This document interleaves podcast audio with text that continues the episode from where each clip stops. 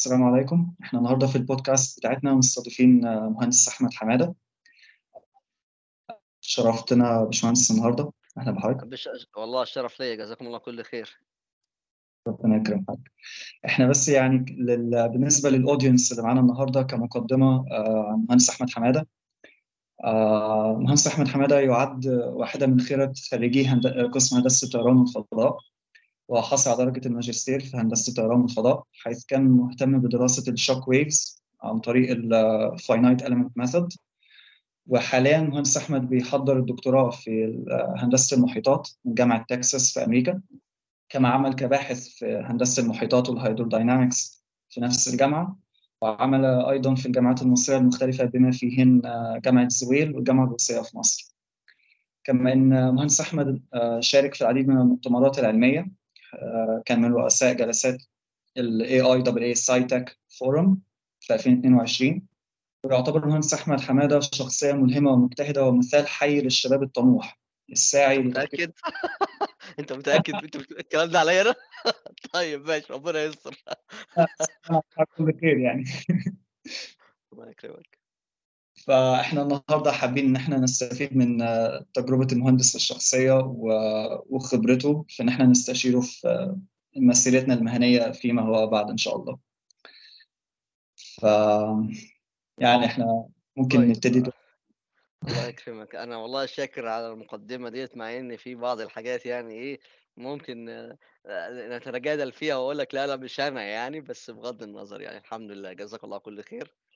آه الحاجة التانية بس هي في في رسالة الماجستير كانت الموضوع فعلا زي ما أنت حضرتك قلت shock wave آه آه أنا استخدمت الطريقتين الأول finite element وبعديها اشتغلت بال OpenFOAM اللي هو finite volume أنا بس حبيت أوضح ديت عشان إيه؟ تبقى الناس عارفة إن الناس اللي هتحب ال CFD دول إحنا هنتكلم مع بعض كتير. ماشي. لا تمام بإذن الله خير. طيب إحنا ممكن لو حضرتك طبعا تسمح نبتدي بأول سؤال؟ اتفضل جو اهيد طيب هو أول سؤال عندنا كان من خلال تجربة حضرتك كانت إيه هي الفرص الم... فرص العمل المتاحة لحضرتك في ذلك الوقت وحضرتك اخترت إيه وبناء عليه؟ طيب آه خلينا نوضح آه آه ممكن أبدأ إجابة السؤال بشكل عام عشان آه قبل ما تكون مخصصة ليا يعني. آه بشكل عام مهندس الطيران يقدر يشتغل في آه مختلف الشركات من شركات ال R&D زي Optimum آه أنا هقول بعض الأسماء بس مش لغرض إن أنا Optumatics آسف آه مش لغرض إن هي إن إحنا نعمل لهم تسويق ولكن لغرض إن الناس تعرفهم يعني. آه يعني أنت أنا مش مش شرط الاسم اللي هقوله يبقى هو ده ممتاز أو مناسب ليك ولكن لمجرد إنك تعرف إن في المكان ده موجود. يعني من ضمن الشركات كان شركات زي ال R&D Optimatics وغيرها في ال Silicon Valley و Valeo ففي في شركات كتير في ال Silicon Valley دلوقتي اللي هم ال Silicon Valley اللي في مصر يعني أقصده يعني اللي هو القرية الذكية اللي في مصر اللي بيسموها القرية الذكية في مصر. يعني هي في, في أمريكا في شبيهة ليها اسمها Silicon Valley في مصر اسمها القرية الذكية. ففي القرية الذكية في مصر في شركات كتير زي Valeo Optimatics وغيره. دي أول مجال ده مجال بيبقى R&D و development سواء كان control أو fluid أو غيره. المجال الثاني إن أنت تروح لمؤسسه الطيران وده أنا عارف إن أغلبكم عارفينه اللي هو تبقى مهندس صيانة وتاخد ال license وغيره. المجال الثالث الشركات المختلفة بشكل عام بقى اللي هي شركات زي شركات السياره السيارات تويوتا وغيره وغيره عشان الهواء سواء إذا كان هياكل السيارات في ال structure أو سواء في ال engine propulsion أو سواء في ال aerodynamics كمان لانسيابية الهواء حوالين السيارة وتقليل ال drag فيها واستهلاك الوقود. دي برضو من أنواع الشركات اللي ممكن تشتغلوا فيها. المجال الرابع اللي هو طبعا موجود تبع تبع الجيش سواء إذا كنت هتبقى هتبقى ضابط أو مدني المجال اللي بعده اللي هي الجامعات أنا عارف إن اقتراح الجامعات ده المفروض الناس أغلب الناس بتقوله في الأول لأ بس أنا عايز أخليه في الآخر عشان أقول للناس لأ إن في اختلاف في فرص تانية مش إن إنك أنت بس إيه آآ الجامعات سواء إذا كانت الجامعات الحكومة أو الخاصة.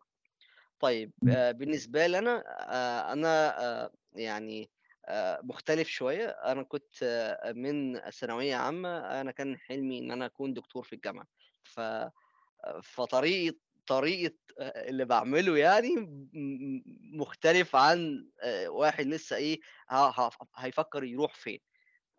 آه. فأنا كنت باح باجتهد في الدراسة، لإن أنا عارف إن الدرجات مهمة جدًا. آآ شاء الله إن أنا آآ آآ أطلع التاسع، آآ إحنا سبحان الله دفعتنا بسم الله ما شاء الله، يعني أنا هاقول بعض الأسماء وه وده وده ودول.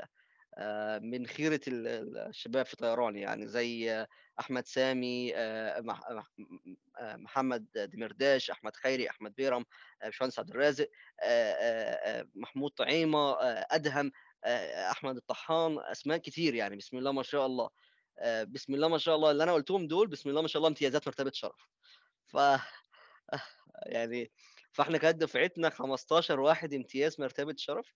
و15 واحد بعديهم آه، كانوا جيد جدًا مرتبة شرف، فيعني إمم.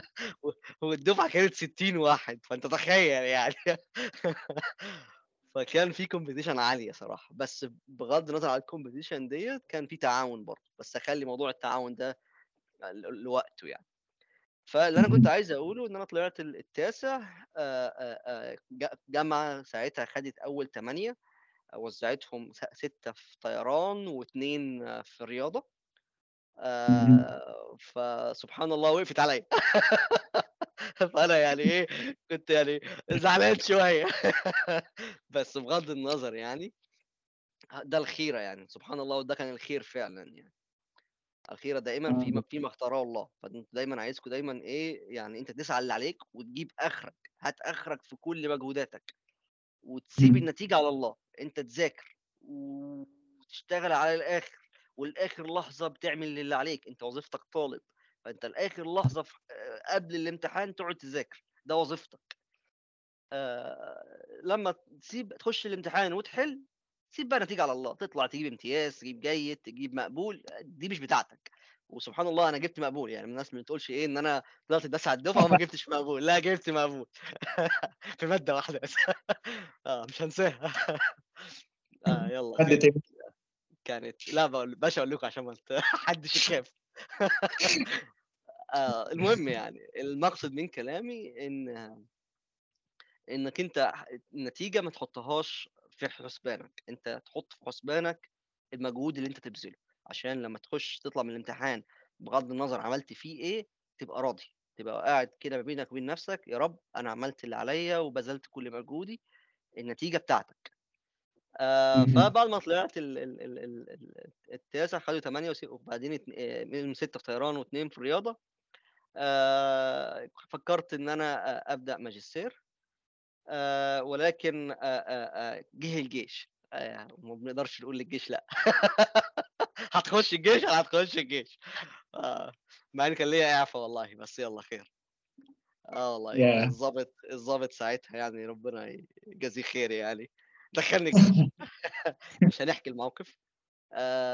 فالمهم يعني دخلنا الجيش الحمد لله، بس آه، بسبب زي ما قُلت لكم إن الواحد بيسعى وبيس ويعمل اللي عليه وخلاص. أتذكّر أ أنا رُحت قدّمت ورقي في الجيش، آآ بالليل رجعت البيت آآ كان كل ده لسه قبل طبعًا أنتم عارفين في فترة تقديم ورق بتعمله يعني، ففي فترة تقديم. الورق دي رُحت قدّمت ورقي ورجعت البيت بالليل لقيت آه، دكتور محمد توفيق، كان هو ساعتها رئيس قسم طيران وفضاء في مدينة زويل، لقيته بيتصل عليّا إمم. بيقول لي: "يا باشمهندس أحمد." قُلت له: "أيوه، أهلًا وسهلًا، مين حضرتك؟" قال لي: "دكتور محمد توفيق رئيس قسم طيران جامعة زويل."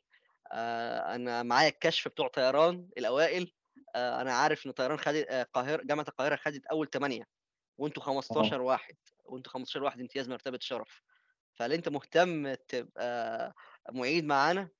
قُلت له: "آه مهتم." وبتاع، وعمل معايا في من خلال التليفون يعني، آآ بس سألني سؤال في الآخر، قال لي: "أنت عندك جيش؟" قُلت له: "آه عندي جيش." قال لي: "طب لمّا تخلّص الجيش يبقى تعالَ." ف فهي يعني آه إيه زي ما. قُلت فرُحت الجيش وطلعت من الجيش آآ آآ سبحان الله كان دكتور محمد توفيق يعني استقال من زويل وجه مكانه دكتور مصطفى جبر آه الله. يمسيه بالخير وكان ساعتها برضو الدكتور أحمد توفيق تاني محمد توفيق ده اسمه أحمد توفيق مش إخوات آه، ليسوا إخوة يعني هم الاسم بس متش- متشابه آه، كان. هو دكتور أحمد توفيق الطويل كان جزاه الله كل خير عني هو السبب في إن أنا إيه آه، أتعين في زويل. فده يعني إيه موضوع الشغل بتاعي يعني. والله هي فعلا آه، هو موضوع الإعفاء ده فعلا محتاجين نتكلم عليه بعدين عشان عندي إعفاء سيبها على ربك دي بقى انت يعني إيه الأهل والأهل والأهل كل الأهل يعني إيه بالظرف الثاني يدعوا لك. وأنت صلي صوت تهجد بقى. سيبها على الله. طول السنة خير يا رب. ف... بس خلي بالك خلي بالك أنا عايز أقول لك على حاجة. يعني أنا مش زعلان إني دخلت الجيش. دخلت الجيش اكتسبت ناس كويسة وتعلمت مهارات كويسة وسبحان الله وال- والمسيرة الحياة ديت فادتني بعدين. ف مم. يعني مهما يكن جات عليك صعاب أو حاجة أنت مش عايزها قول الحمد لله وتعامل معاها برضا لما تتعامل معاها برضا هتعرف آه، تبقى الأمور أسهل يعني. آه فعلا بإذن الله. هو بمناسبة آه، ذكر الصعاب يعني هو كنت عايز أسأل حضرتك برضه يعني حضرتك خريج من من قسم طيران إيه أكبر وعلى مدار التجربة اللي حضرتك مريت بيها طبعا لغاية النهاردة إيه كان أصعب تحدي حضرتك مريت بيه؟ و... وحضرتك قدرت تتغلب عليه يعني إزاي؟ أصعب تحدي فيهم كلهم يعني أكيد في كتير من كتير من ساعة أنتوا عايشين التحديات ديت. أنتوا عايشينها. الطيران لوحدها صعبة. أنا أفتكر كلمة دكتور بسمان دكتور بسمان هو حاليا آه، في إحدى دول آه، شرق آسيا. آه،. هو رئيس قسم هناك. كان كان ساعتها موجود في جامعة القاهرة ساعتها. آه، أفتكر كلمة دكتور بسمان آه، اسمه بسمان الحديدي عشان لو حد حب حد من الناس حابين يدوروا عليه برضه آه،. أفتكر كلمته كان بيقول لنا أنتوا دي الكريم دي الكريم دي الكريم أنتوا كريمة الكريمة الكريمة فأنا أنا قلت لكم الكلمة ديت عشان إيه؟ قبل ما نقول الصعاب اللي أنتوا هتشوفوها يعني. أنتوا كريم الكريمة الأولانية أنتوا هندسة. دي مش حاجة قليلة. انت مهندس انت بت... علي- عليك مسؤولية مختلفة عن أي واحد في الدنيا. انت ليك ليك. ليك ليك مكانة كويسة. أنتوا جامعة القاهرة من من أكبر الجامعات في مصر. آه، أنتوا قسم طيران. يعني هو فص... لما سألناه إيه إيه التلاتة الكريمة دول فهو فسر لنا الكلمة يعني.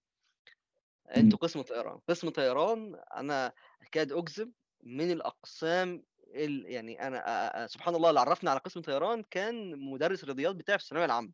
ابنه في م... كان مهندس طيران هو كمان. فهو عرفني على هندسة الطيران ومن ساعتها آه، خدت القرار ده يعني. وسبحان الله مم. لو عاد بيا الزمن ألف مرة برغم الصعاب كلها اللي شفتها هختار قسم طيران آه، قسم طيران بيأهلك عقليا قبل علميا بيأهلك مم. عقليا قبل علميا إنك إزاي تتعامل مع الصعاب آه، بمعنى إنك أنت عندك نوع معين من ال challenge نوع معين من ال difficulty بيعمل لك setup مختلف في في عقلك إزاي تتعامل مع المشاكل دي ودكاترة آه، قسم الطيران ربنا يبارك فيهم آه، فعلا بيهتموا بالشخصية وبناء العقل أكتر من المادة العلمية. أنا أفتكر كتير من دكاترتنا كانوا ممكن يسيب المحاضرة ويقعد يتكلم معانا في concept في الحياة. عايز أقول له طب المحاضرة طيب اللي ضاعت دي؟ لا عادي. لا بس بس هم جزاهم الله كل خير يعني. هم كانوا شايفين إن إن هم لازم يظبطوا عقليه المهندس طيران. وده. وده ممتاز إنك أنت تعرف إن عقليتك بتتغير حتى أنت يعني إن شاء الله لما تخلص خمس سنين بتوع. آه، بتوع هندسة اللي هم أربعة آه، إعدادي وواحد أربعة طيران إن شاء الله هتيجي تبص لنفسك كده إيه آه، وأنت في الثانوية العامة كنت بتفكر إزاي ودلوقتي بتفكر إزاي لأ هتلاقي في اختلاف كبير. فبغض النظر بغض النظر عن الصعاب أنت صعوباتك صبح وظهر وعصر ومغرب وعشاء أنت عندك midterm بعديه project قبليه في quiz وفي assignment مرمي هناك مش عارف تعمل فيه إيه. ف... فده عادي يعني. ال assignment process لا والله أنا أتذكر والله إن كان في يوم في ثالثه وأنا مش كنتش عايز أقول الصعاب ولا ولا ذكرى معيّنة عشان أنت في تالتة. وكانت تالتة الترم التاني برضه. كان عندنا كان عندنا الصبح آآ آآ quiz بعديه المحاضرة اللي بعديها midterm و وفي assignment هيتسلّم في آآ في في في قبل قبل الbreak عند المُعيد، وفي آخر النهار هنسلّم project. يعني أنا ما كنتش عارف باعمل ده إزاي، لدرجة إن كنا project teams وبتاع، فأنا فاكر إن في يوم منهم آآ ليلتها قعدنا لغاية الساعة 02:00 شغالين، وبعدين دخلنا ننام 3 ساعات، صحينا أنا كنت ساكن في العبور. العبور آآ ديّة يعني أقصى بلاد المسلمين بالنسبة لجامعة القاهرة. آآ يعني بس ساعتين ونُص مواصلات يعني. ده لو الطريق آه. س سالك. لو الطريق الطريق مش سالك أنت هتروّح تروح بُكرة أحسن. ف ف يعني كنت ماسك الproject فخدنا خدنا أنا وزميلي كنا كنا إحنا الاتنين من العبور، خدت أنا وزميلي الكنبة اللي ورا بتاعة الميكروباص، وفتحنا. الlaptops إحنا الاتنين بنقسّم الproject على بعض. هو يعمل جزء وأنا أعمل جزء وكنا شغالين أنا باقول لك ده كان في midterm وفي quiz و وفي assignment مش آه. عارفين هنعمل فيه إيه لسه، هنبقى نشوفه لمّا نروح. فيعني فهي طيران كلّها صعاب، طيران مش. سهلة. يعني حتى كذا حد يكلمني آآ م من من أصحاب والدي وأصحاب والدتي آآ ولادهم في هندسة وبي محتارين يخشوا قسم إيه، وابنهم طالع لهم في قسم طيران، أنا عايز أروح طيران، أنا عايز أروح طيران. فأنا كنت صراحة يعني شبه بانف بانفّره من طيران قبل ما أقول له يخش، لإن طيران مش إمم. عايزة أي واحد، طيران عايزة واحد عارف هو رايح فين وما بيستسلمش لآخر لحظة. أهم صفة في مهندس طيران إنه ما يعرفش حاجة اسمها give up. give up دي مش موجودة في قاموسه يعني. ولو موجودة في قاموس حد فينا دلوقتي إيه، مش يحوّل القسم، يتعامل معاها ويحاول يشيلها. أنت لبست يا باشا. آآ فأنت دايمًا إيه، خلّي عندك صبر وطول نَفَس، وده أكبر ميزة هتكسبها في حياتك طول عمرك. لإنك ال اللي أنت بتقابله وأنت طالب هتعرف ده إن هو أبسط حاجة عندك. ده يعني لمّا تروح تشوف ماجستير والّا تشوف دكتوراه والّا تروح تشوف شركة والّا تروح مش عارف تشوف فين، صدّقني ده أبسط ضغط ممكن تشوفه. يعني أنا أنا أفضل في آخر الدكتوراه باقعد أقول يا رب مش ممكن أرجع كده بس سنة سنتين في طيران حلوة، حلوة، جميلة، يعني عسل. فيعني ربنا اللي شاء فيه اللي أنتم فيه آه صعب ومش سهل. ولكن محتاج طول نَفَس، فأنت طول حياتك فيها صعاب، لازم تتعامل معاها بإيه، بطول النَفَس وما تيأسش. يعني أتمنى فعلًا الناس تغيّر يعني تكتسب العقلية دي فعلًا. بإذن الله. طب آه ده ممكن يعني نتنقل للسؤال اللي بعده آمم هو من عندي وجهة أنا عندي أنا آسف على المقاطعة، أنت أنت ملتزم بوقت محدد والّا عشان حاسس إن أنا باطوّل شوية في الإجابات والّا والّا يعني خلّينا نسأل الس السؤال ده كان عشان بس أبقى واخد بالي أجاوب على أي جهة يعني؟ لا إحنا يعني حضرتك ما تقلقش إن شاء الله خير يعني. طيب أنا مش عايز أطوّل عليكم أنتم، أنا عادي أنا فاضي، ده يوم إجازتي. يعني الحمد لله السبت لسه إجازة هنا يعني ف طيب بإذن الله. متأكد؟ بإذن أنت في طيران. لا لغاية دلوقتي ما جدش أي جديد. طيب. طيب هو السؤال اللي بعد كده كان آآ من وجهة نظر حضرتك يعني في ناس كانت بتسأل كطل كطالب لهندسة الطيران والفضاء، إزاي ممكن يستفيد من الدراسة الجامعية بتاعته بحيث يقدر يعني يستغلها في حياته العملية فيما بعد، لو دخل في سوق العمل والصناعة و تمام، تمام. بُص ال الد الدراسة الدراسة الجامعية في أي حتة في العالم مش في مصر بس، هي. آآ just to give you the basic knowledge يعني لمجرد إن هي تدّيك ال ال ال العلم الأساسي. إمم. فهل هل العلم الأساسي ده هو ده اللي هتتعمله في الشركة أو في الدكتوراه أو في الماجستير؟ الإجابة أنا باقول لك لأ. بس هل بدونها تقدر تشتغل في آآ أو آآ دك ماجستير أو دكتوراه؟ الإجابة برضه لأ. مش عشان الدرجة العلمية، فك أنا الدرجة العلمية دي ورقة، الدرجة العلمية هي مجرد ورقة. إحنا بنتكلم عن knowledge دلوقتي أو العلم نفسه. العلم نفسه الأساسي لو تشناه مش هتعرف تشتغل وبدونه وهو مش هو نفس الشغل فأنت بمعنى الأصح لازم كل الجامعات على مستوى العالم وده موجود. ومنها جامعة القاهرة يعني أنا أنا عايز أقول لك إن أنا لما جيت أمريكا يا راجل مش عارفين يحلوا بي دي إي.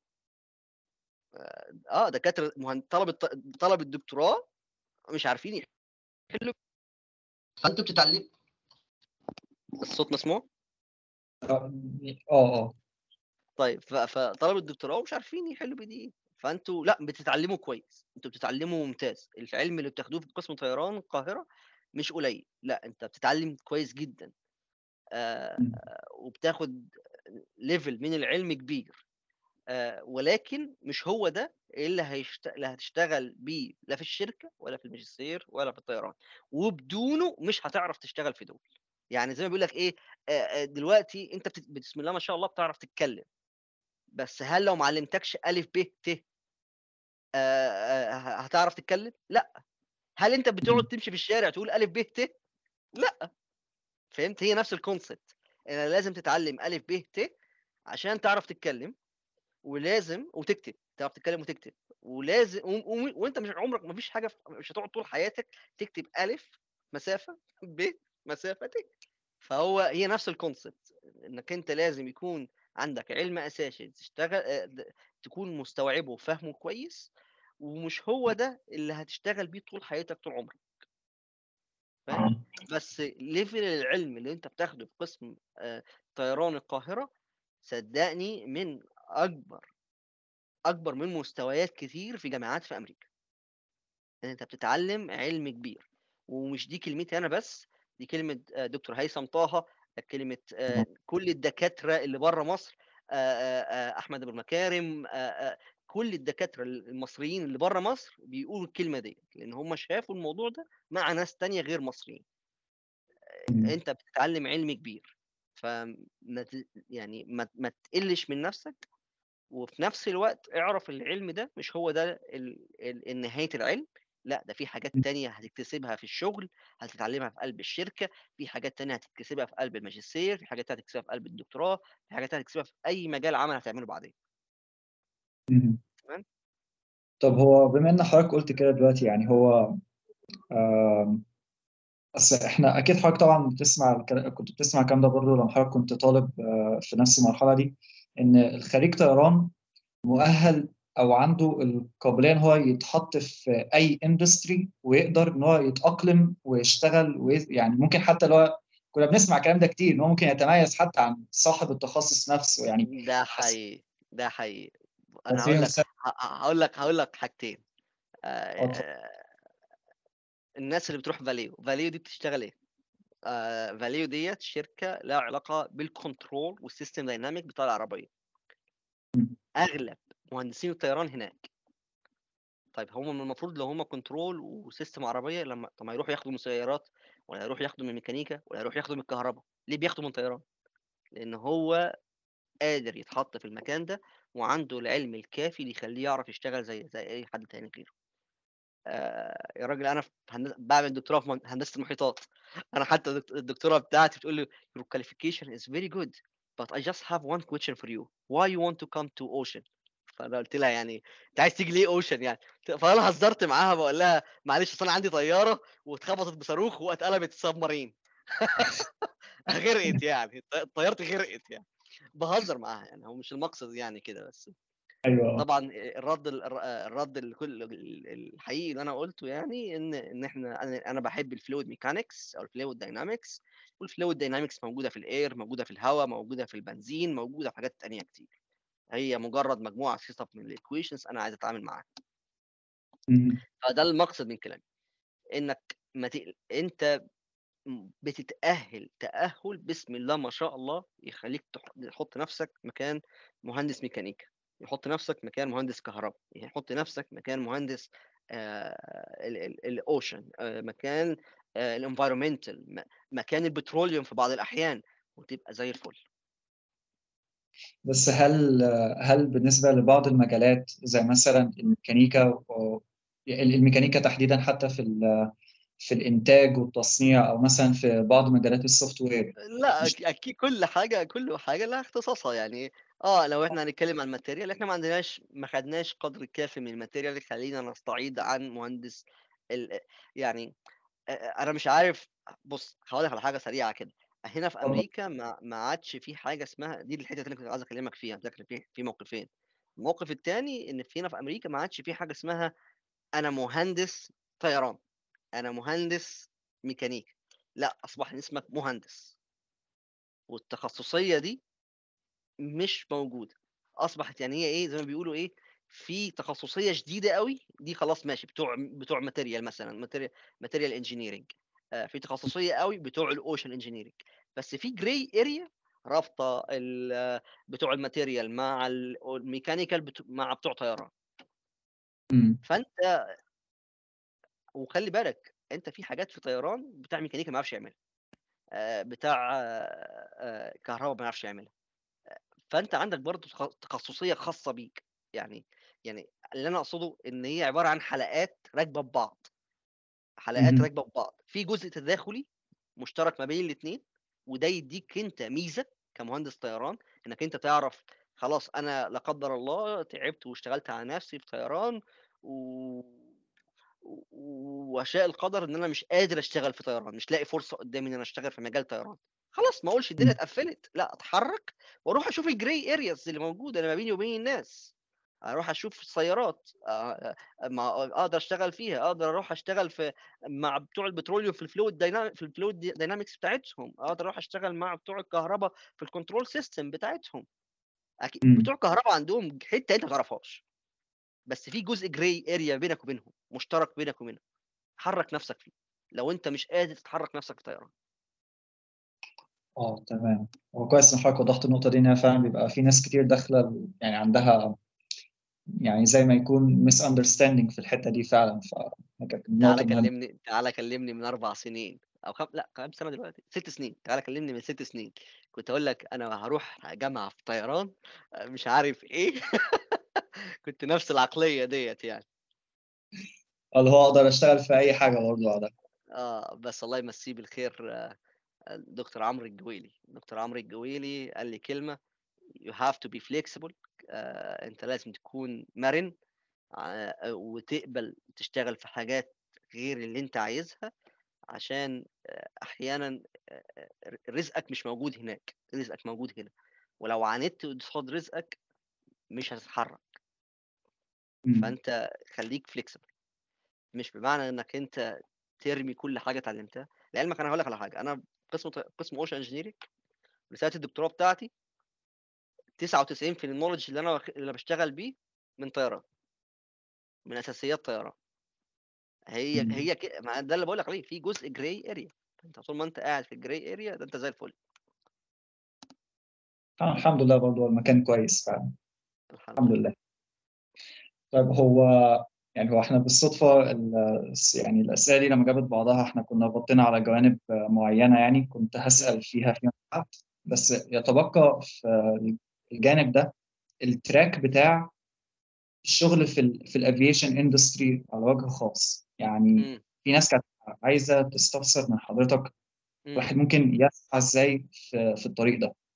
لأن هو طبعا ما فيش في مصر حاجة فهو كله بره فاحنا محتاجين نركز على خليني خليني أقول جاز جملة صغيرة أنت. قلتها وأنا مش هعيدها صراحة أنت قلتها في السؤال في سؤال- سؤالك إن هي في مصر ال- الوضع مختلف شوية. آه طيب الطريق الأمثل الطريق الأمثل في الوضع اللي إحنا عايشين فيه حاليا آه, آه لازم محتاج تروح تعمل ماجستير بس. خليني أقول لك مش ماجستير في مصر ماجستير بره مصر. آه، هل ده معناه إن الماجستير في مصر أسوأ من الماجستير بره مصر؟ لأ. الماجستير مم. في مصر أنا هقول لك على حاجة. رسالة الم... رسالة التخرج رسالة التخرج اللي بت... اللي بيعملها طالب طيران جامعة القاهرة تعادل مج- رسالة ماجستير بره مصر. رسالة الماجستير اللي بيعملها طالب طيران جوه جامعة القاهرة تعادل درجة الدكتوراه بره مصر. درجة الدكتوراه بره م... جوه مصر جوه جوه جوه اللي بيعملها. مش مش بسبب المدة أنا مش بتكلم على المدة أنا بتكلم على ال effort العلمي. يعني. أنا كنت بعرض الرسالة بتاعتي على الدكتوره هنا في القسم بتاع Texas A&M Texas A&M من أكبر الجامعات في أمريكا. بقول لها أنا عملت كذا في الماجستير قالت لي هي دي رسالة ماجستير ولا رسالة دكتوراه؟ ما قالت لي كده قالت لي هي دي رسالة ماجستير ولا رسالة دكتوراه؟ وأنا رحت شفت رسالة ماجستير لحد هنا مش حد واحد يعني كذا حد يعني كنت بحس إن أنا واقف يا عم إحنا عملنا الكلام ده طلبة التخرج عندنا بتعمله ده بتعمله كده يعني إحنا طلبة التخرج عندنا بنعمل الموضوع ده عادي بس الفكرة في إيه؟ ليه بقول لك ليه في ال industrial aviation أو ال industrial aerospace ليه بقول لك أعمل ماجستير بره مصر؟ عشان حاجة واحدة للأسف العالم الغربي ما بيستقبلش حد من بره إلا لما يكون جوه ال system بتاعه. يعني للأسف أنا بقولها أهوت للأسف. للأسف البلد؟ آه. لسب... بالضبط. للأسف ليه؟ لأن هم مش عارفين مستوى العلم اللي عندنا. مش عارفين مستوى العلم مش أقصد بيه ال scientific knowledge أنا أقصد بيه ال basic knowledge أقصد بيه مستوى العلم اللي أقصد بيه اللي هو الإيه ال basic knowledge basic knowledge المقصود بيه اللي هو العلم ال undergrad يعني هم. العالم الغربي آه هم بيعملوا research scientific research رائع في في في ال graduate and post grad يعني في الدكتوراه وما بعد الدكتوراه. بس مهم. العلم الأساسي اللي هو ال undergrad إحنا عندنا متفوقين فيه جدا وإحنا ليفل أعلى منهم آه فهم ما يعرفوش ده. فهم خلاص عندهم قناعة إن لازم تيجي الأول تتعلم عندي وبعدين تشتغل معايا. آه. تمام؟ فبناء على القناعة ديت اللي موجودة عندهم آه، آه، آه، أنا بقول للناس اطلعوا اعملوا ماجستير بره. طيب هتسألني السؤال اللي بعده على طول؟ أطلع أعمل ماجستير بره إزاي؟ شوف أنا عارف الأسئلة. أنا مذاكر.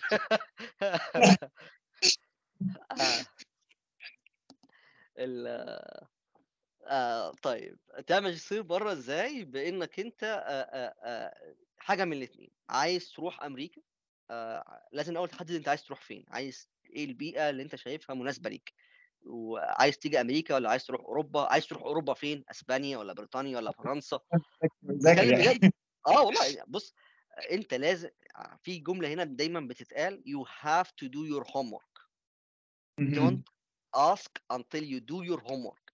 ما تجيش تسأل حد إلا لما تعمل شغلك. يعني إيه يقصد. تعمل شغلك؟ هو أنت عندك السؤال ومش عارف تجاوبه. ومش هتعرف تجاوبه إلا لما تسأل على حد تاني. ماشي. بس على الأقل قريت عن الموضوع. آه، مش إن أنا آه أنا أنا عندي سؤال ومش عارف إيه هو. لأ أنا قريت عنه دورت عليه على النت وبرضه ما زال سؤالي مش مش متجاوب.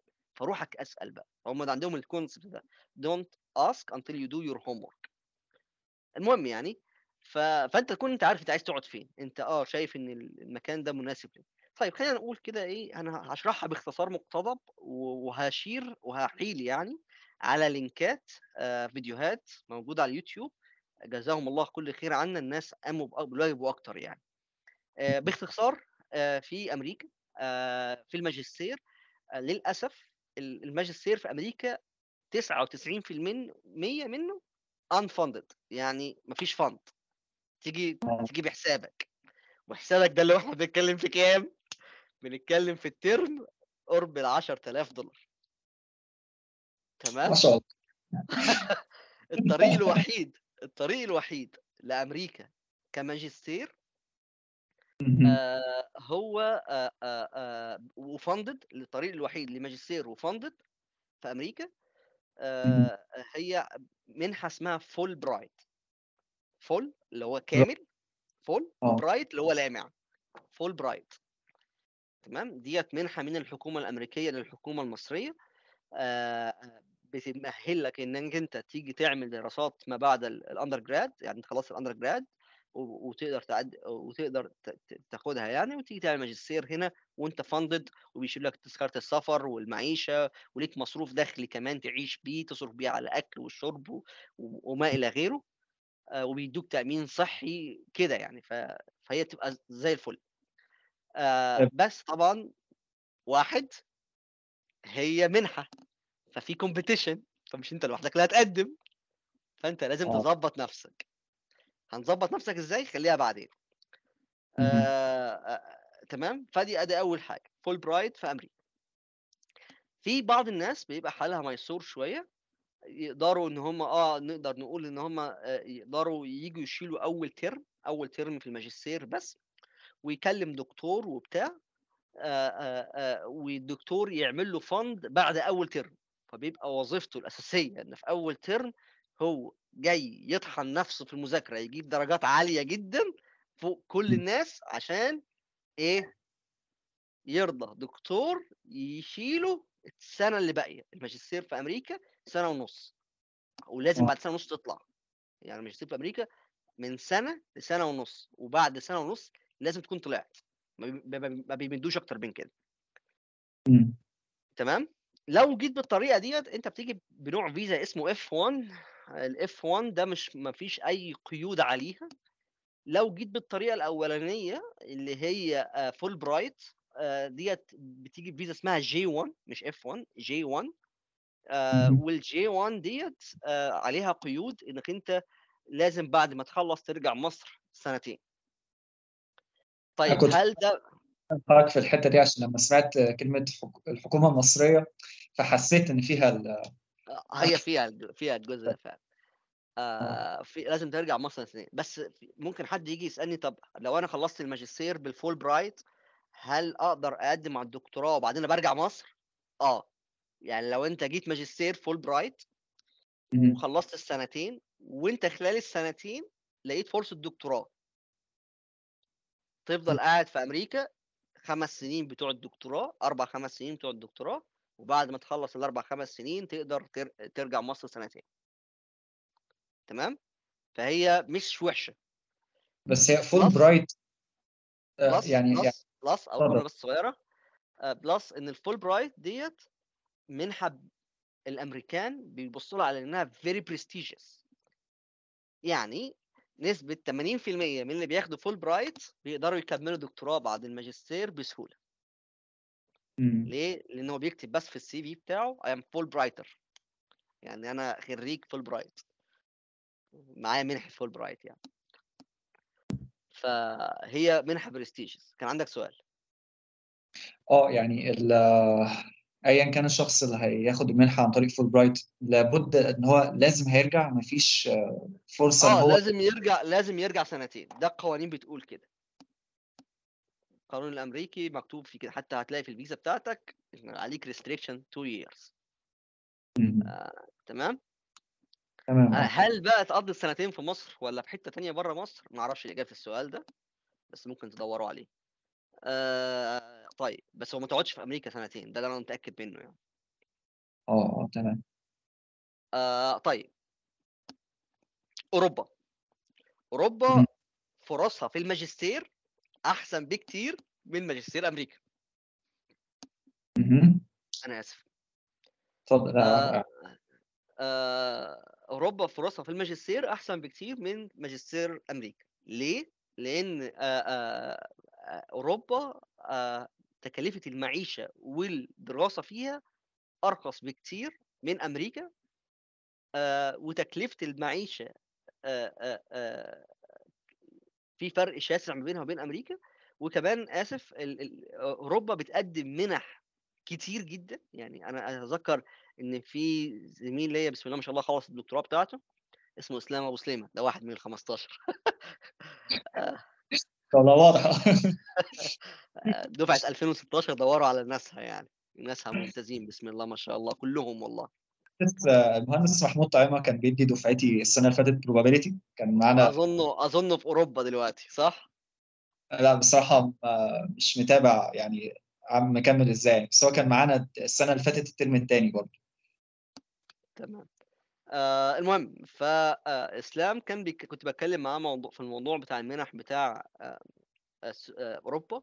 قال لي في منح كتير في منح من مصر الخير في منح من مش مع... م- اسمها Eiffel في منحه اسمها Eiffel في منحة اسمها ايراسموس ماندوس آه ايراسموس ايراسموس منحة ايراسموس آه في منح كتير في أوروبا.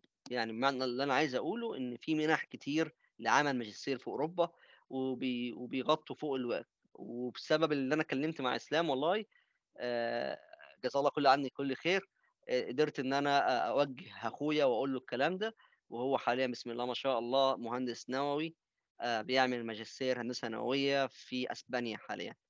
ف. فرصة ليكم إن لو حد عايز يطلع ماجستير أو بي target يروح أوروبا، عايز يروح أوروبا مش ييجي أمريكا، آآ فرصته في الماجستير أسهل بكتير من إن هو ييجي أمريكا. طيب ومن بعد الماجستير بيقدر إن هو يكلم الشركات وكده، وإن هو يشتغل في الindustry. أنا بس عايز أقول معلومة بس صغيرة عشان تغيّر perspective عند الناس. اتفضل. توجُّه يع ت تغيّر توجُّه يعني عند الناس. آآ كلمة دكتوراه أو حاصل على درجة الدكتوراه ديّة ليست معناها إن أنت دكتور في جامعة، ليس معناها إن أنت دكتور في جامعة. بمعنى statistics أنا دي statistics ممكن أي حد يتأوّر من فيها يعني.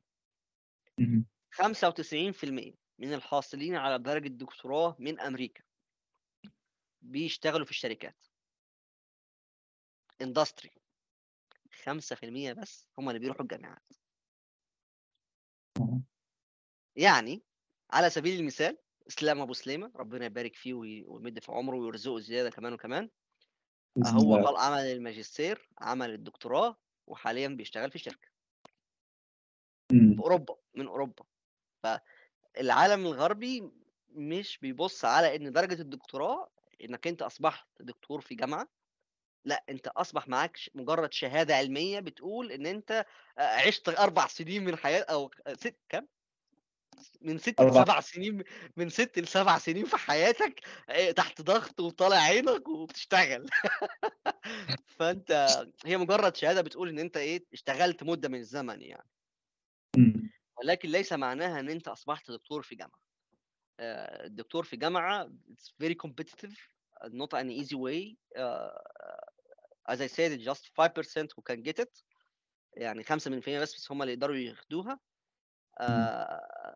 فالأغلب من حاصلين على درجة الدكتوراه إن هو يروح يشتغل في م في في الشركات. طيب ييجي لي واحد يسألني طب ليه أخُش آآ أعمل م طب هل الأفضل إن أنا أعمل ماجستير وأروح للصناعة والّا أعمل ماجستير ودكتوراه وأروح للصناعة؟ إجابتي قرارك، ولكن هاقول لك الفرق. اتفضل. تروح ماجستير وترو تعمل ماجستير وبعدين تروح للصناعة، أنت هتبدأ من X amount of money تمام؟ آآ و وcertain level of science أو knowledge. اهم. إنما لو عملت استثمار في وقتك لو أنت شايف إنك خلاص أنت كده مش قادر تكمّل، خلاص go ahead go ahead يعني أنت شايف إن نمط الحياة الماجستير والدكتوراه ديّة لأ، مش مناسبة ليك، خلاص إمم. عملت الماجستير وشايف إن اللي أنت شُفته في الماجستير ده مش عايز تشوفه لمدة 4 سنين جايين. آه والله ما باهرّج يعني، إحنا مش بنلعب والله إحنا بن بيطلع عين أبونا. overwhelming الموضوع شوية. آه أنا ب أنا باقول لك أنا عايز أرجع طالب طيران. فيعني لو أنت شايف إن نمط الحياة اللي أنت عِشتها لمدة سنتين مش عايز تعيشها لمدة 4 سنين كمان ahead وك والknowledge ده ممتازة وزي الفل وأنت زي الفل، وروح وهتقبض X amount of money. آآ بس لو عملت استثمار في نفسك 4 سنين وقدرت تستحملهم، لعلمك الموضوع ال4 أو ال5 سنين بتوع الدكتوراه مش سهلين. في ناس بتيجي لها كآبة وبيسيبوا وبعد ما بيقضّوا نُص الطريق بيسيبوا الطريق ويمشوا. فإجابة إن أنا أكمّل أعمل دكتوراه ليست إجابة سهلة. مش إن أنا هاروح أعمل دكتوراه يبقى يالّا أروح أعمل دكتوراه. لأ، ليست إجابة سهلة. دي مش حاجة سهلة، دي كبيرة، كلمة كبيرة خلّي بالك. آه. فخلاص أنت شايف لأ، أنا أقدر أستحمل الضغط والوجع الدماغ اللي شُفته في خلال السنتين وهاكمّله، خلاص كمّله وده استثمار في نفسك، لإنك أنت بتعلّي level الknowledge بتاعك آآ مش 2x ده أنت بتعلّي الknowledge الknowledge بتاعك 3 و4x اهم. وبتعلّي المرتب بتاعك ل2.5x. بأمانة. و طب طيب واحد يسألني بقى سؤال، أعمل دكتوراه وأروح للأكاديميا والّا أروح للindustry؟ ده قرارك. آه، ده قرارك ليه؟ لإن الأكاديميا لها ض آآ أسلوب حياة معيّن، والصناعة لها أسلوب حياة معيّن، الأكاديميا ما فيش فيها فلوس. اهم. أنت مرتباتك في الأكاديميا أقل بكتير من مرتباتك في الصناعة. اهم. بس أنا دي كل الجملة اللي كنت عايز أقولها. طب هو يعني آآ حضرتك كنت أصلًا في الأول قُلت من شوية كده بالنسبة للكلام عن الماجستير في أمريكا، إن هو معظمه. مش هل ده معناته إن وارد إن يكون في في أوروبا جامعات يكون في ماجستير هيكون funded وح الواحد يقدر يعني يلاقي دخل مش هو مقضّي كده الفترة اللي هو هيقعدها في الماجستير دي مجرد بس في طلب العلم وكده؟ طيب خلّيني خلّيني أوضّح نقطة، في الfund في أوروبا نوعين، الfund في أوروبا نوعين، نوع شبيه بالFulbright ت آآ آآ نوع شبيه بالFulbright إنّك أنت بتقدّم على المنحة والمنحة بتدوّر لك على الجامعة. اهم. تمام، في نوع تاني من المنح في أوروبا لأ، أنت بتقدّم على الجامعة لوحدك، ييجي لك جواب قبول وبتقدّم على ال المنحة لوحدك، يعني المنحة أو الجن الجهة المانحة، الجهة اللي بتدّيك فلوس مختلفة عن الجامعة. وده موجود في أمريكا آآ ف ف آسف في أوروبا، آسف مش موجود مش موجود في أمريكا ولكن موجود في أمري آآ في أوروبا بشكل لحظة، أكبر. تقديم عن الجامعة غير المنحة؟ آه، يعني أنت بتعمل. أنت اهم. بتعمل two application، application للجامعة وapplication ل للجهة المانحة. اهم. أشهر حاجات زي ديّة مصر الخير و آآ منحة EVAL منحة إيه وأبو العينين، أظن في منحة اسمها أبو العينين. آآ عايزين تفاصيل أكتر أنا بس باقول لكم اسألوا إسلام أبو سليمة، إسلام أبو سليمة آآ وباين مين كمان دفعة 2017 آآ آآ أحمد مح والّا محمد مك أكرم أكرم حاجة أكرم مش فاكر اسمه. أو مش فاكر اسمه، بس إسلام أنا متأكد منّه، وبرضه في أحمد رمضان آآ برضه دفعة 2016 آآ هو. برضه خلّص الدكتوراه وحاليًا شغال في شركة برضه آآ أو postdoc باين مش متأكد. أحمد رمضان، أحمد رمضان العدوي اسمه كده، أحمد رمضان العدوي وإسلام أبو سليمة. آآ إمم. الاتنين عارفين طُرق مِنَح في أوروبا بشكل كبير، يعني اللي أنا قُلته ده ممكن يكونوا 2 أو 3 هم عارفين وعارفين التفاصيل كمان. طيب آآ كنت قُلت لكم هاقول لكم على هاقول لكم على system بتاع أمريكا وsystem بتاع أوروبا وأقول لكم أحكي لكم على بعض الفيديوهات. آآ أ مش عارف تسمعوا عن علماء مصر والّا لأ، سمعت عنها؟ أنا أنا شخصيًا لأ الصراحة. لأ، طيب آآ علماء مصر هي آآ جهة غير ربحية مسجلة في كاليفورنيا بأمريكا، آآ هم عبارة عن مجموعة من الدكاترة والم وطلبة الماجستير آآ اهم. حوالين العالم، ليس في أمريكا فقط، يعني في ناس في أوروبا وف وفي ناس في آسيا و آآ يعني والله أنا فوجئت إن كان في ناس من سنغافورة كانوا بيحضروا معانا الاجتماعات. آه. آه، آآ دول بيعملوا فيديوهات كتير اسمهم Egypt Scholars، Egypt Scholar بيعملوا لهم موقع على النت، يعني كتبت دوت دوت مش فاكر .com والّا .org. مش فاكر والله .com والّا .org. آآ بس اكتب Egypt Scholar بس، اكتب Scholar ج Scholar على جوجل هتلاقيهم. تمام، آآ آآ هتلاقي بيقدموا خدمات كتير، منها خدمة مراجعة الأوراق، اللي هو يقصدوا بيها الأوراق اللي هي الCV وال والcover letter والstatement of purpose وغيره. اللي عشان تقدم على منحة معينة أو فرصة معينة.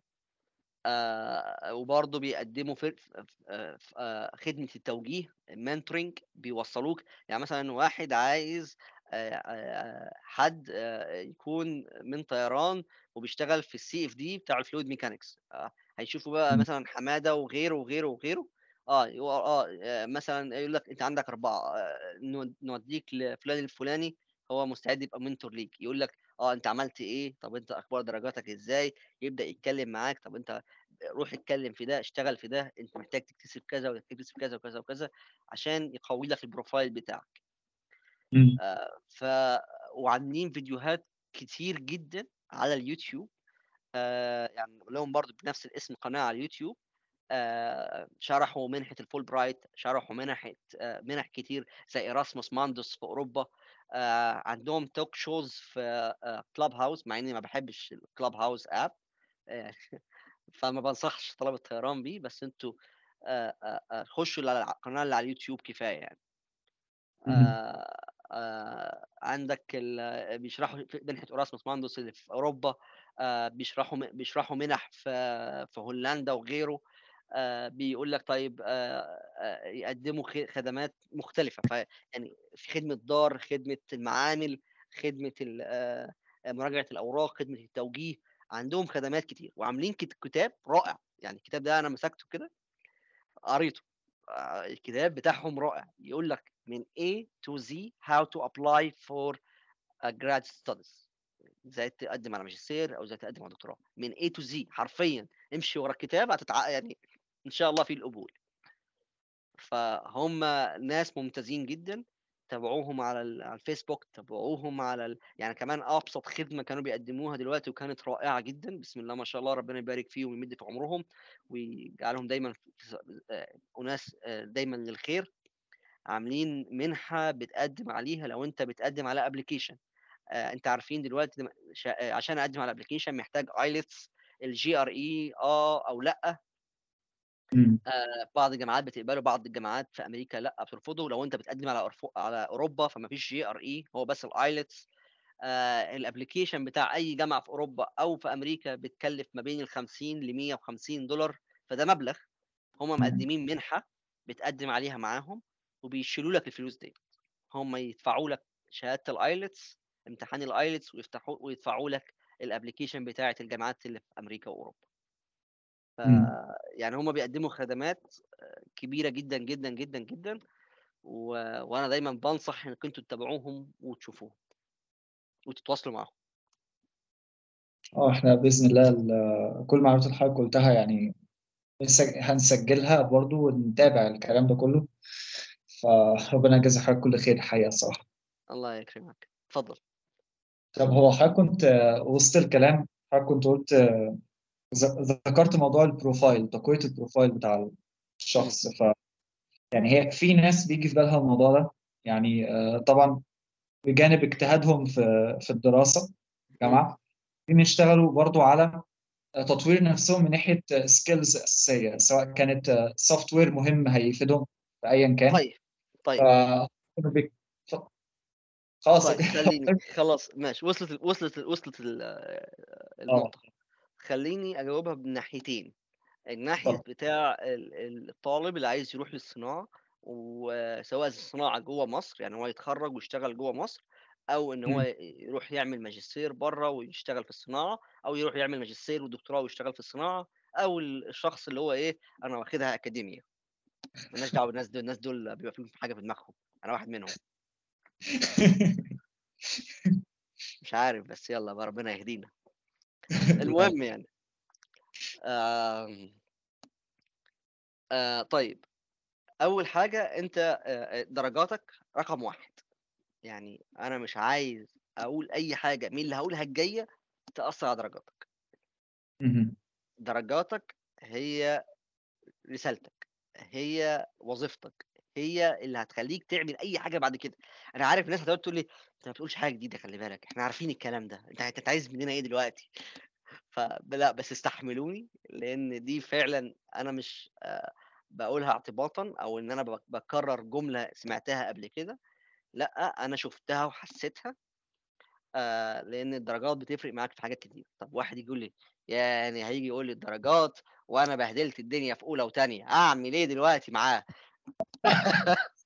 لا يا عم الحاج ما تقلقش انت لسه قدامك ثالثه ورابعة وانت لسه قدامك رابعة لسه قدامك تانية وثالثه ورابعة. بقى آه, ليه يعني آه. شكلك تسأل على الحتة دي أنا بهدلت الدنيا في آه لا ما ما, ما تعملش كده ما تعملش كده ما, ما, ما تكتئبش ما تيأس زي ما قلنا قلنا أول الكلام عايزين طول نفس وعدم يأس دول أهم مم. اتنين. طيب هديك مثال بسيط. آه بسم الله ما شاء الله. أنا بعمل دكتوراه في أمريكا أهوت. الكيرف بتاعي في أولى كان هنا. في إعدادي خلينا نقول في إعدادي كان هنا. في أولى جه هنا. في تانية جه هنا. حرفيا شايف ال curve بينزل. أنا ال curve بتاعي كان بينزل. بس آه، جيت في في- تانية خدت قرار مع نفسي إن اللي بيحصل معايا ده لأ كده غلط كده مش صح. آه، أنا كده بضيع نفسي. آه، قعدت قعدت ترتيب نفسي قعدت ترتيب أولوياتي. في حاجات بطلت أصرف فيها وقت خلاص ملهاش لازمة مش هتفيدني دلوقتي. في حاجات مم. بدأت أديها أولوية وبدأت كمان حاجة أتمنى إن أنتوا تكونوا بتعملوها. آه أنا عارف إن ورقي موجود ما بينكم بتاع ال assignments وال data sheets موجودة ما بينكم. ما عنديش أي مشاكل في ده وأنا أصلا سايبها يعني إيه لوجه الله والله. هي. يا رب تكون دايما في منفعتكم. فأنتوا تعملوا نفس النظام ده ما بينكم. مم. آه ما بقولش إن أنتوا تعملوه إجبار ولكن بانكم أنتوا تراعوا بعض. إنك- مفيش حد هياخد رزق حد. خلينا نتفق على هذا المبدأ. مفيش حاجة اسمها أنا هخبي المعلومة عشان إيه أطلع أنا الأول وهو ما يطلع يطلع التاني.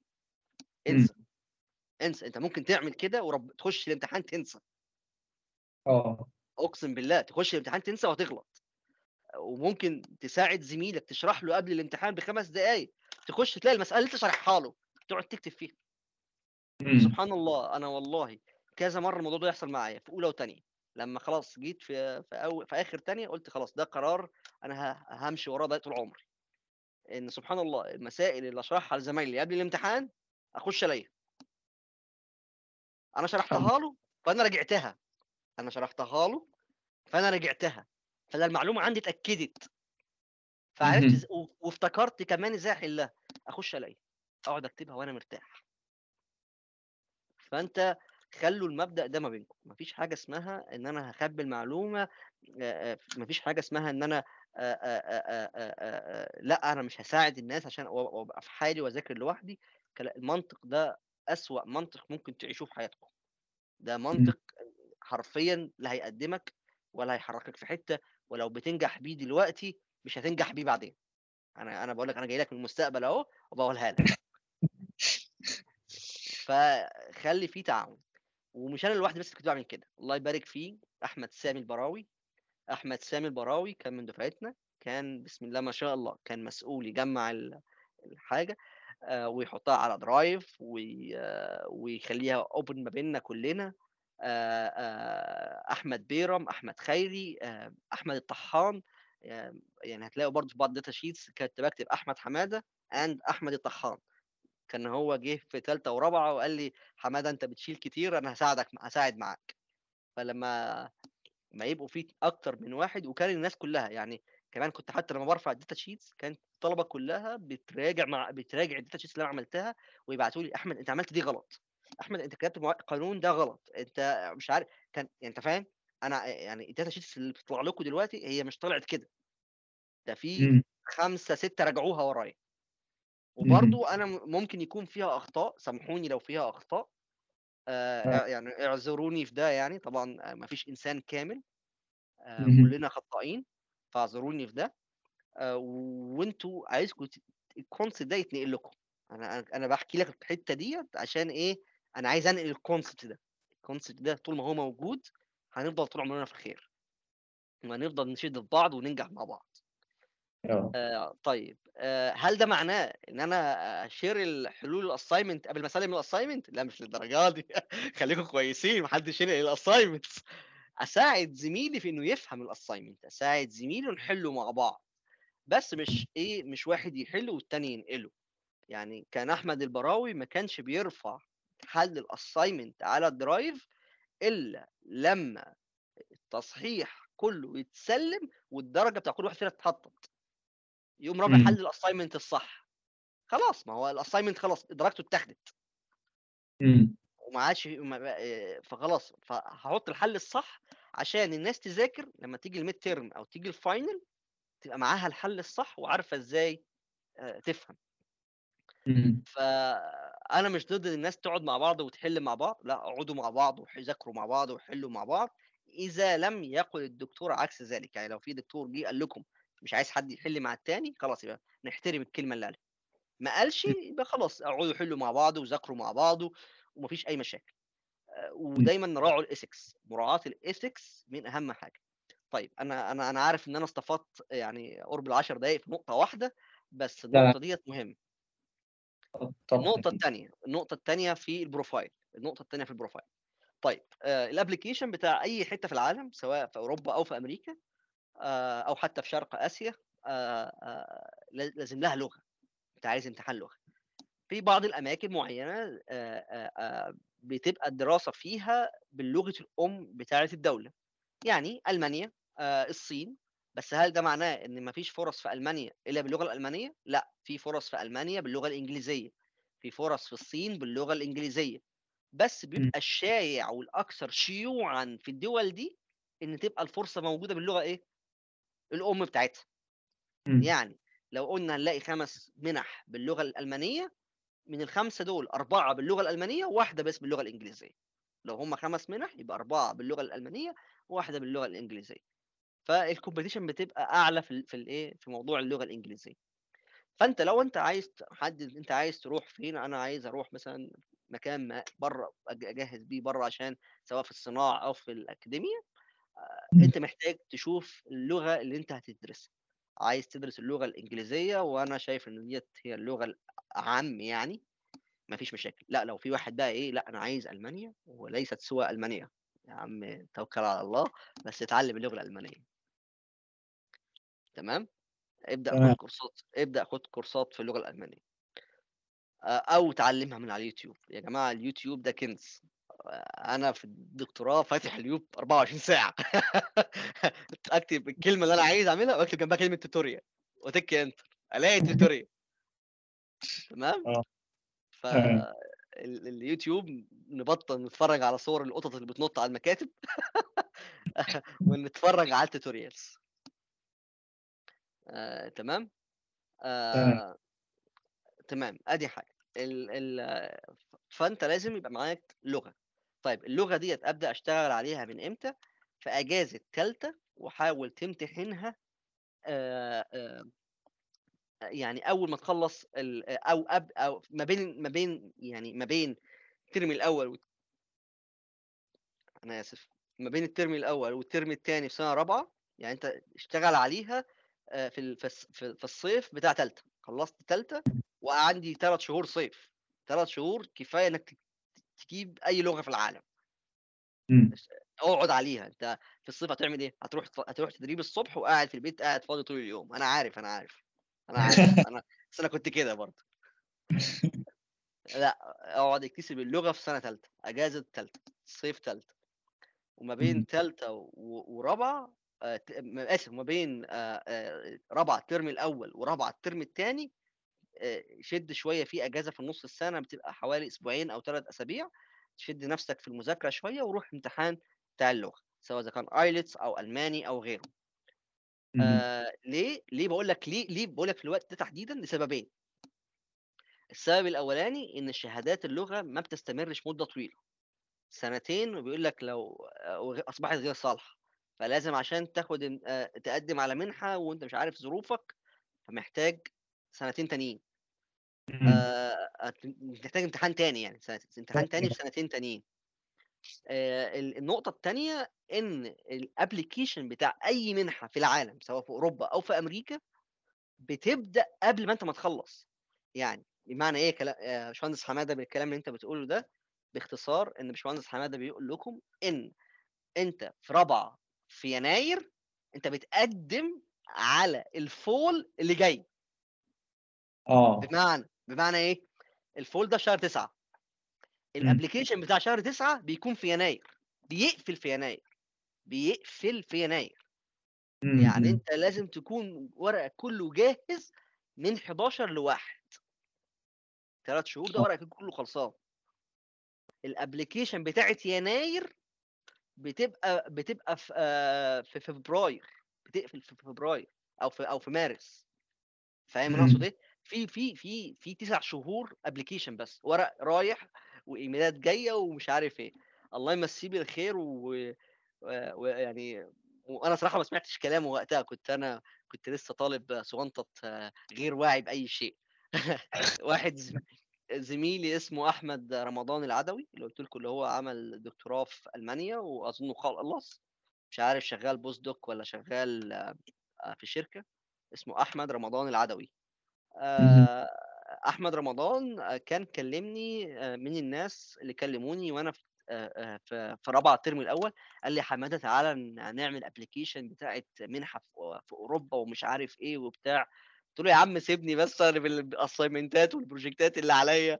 طبعا ما كنتش ما كنتش فاهم الموضوع يعني أنا ما كنتش عارف إيه الخطوات الصح يعني. فهو بسم الله ما شاء الله هو عبى ال application خلص ال undergrad من هنا سافر من هنا ليه؟ مم.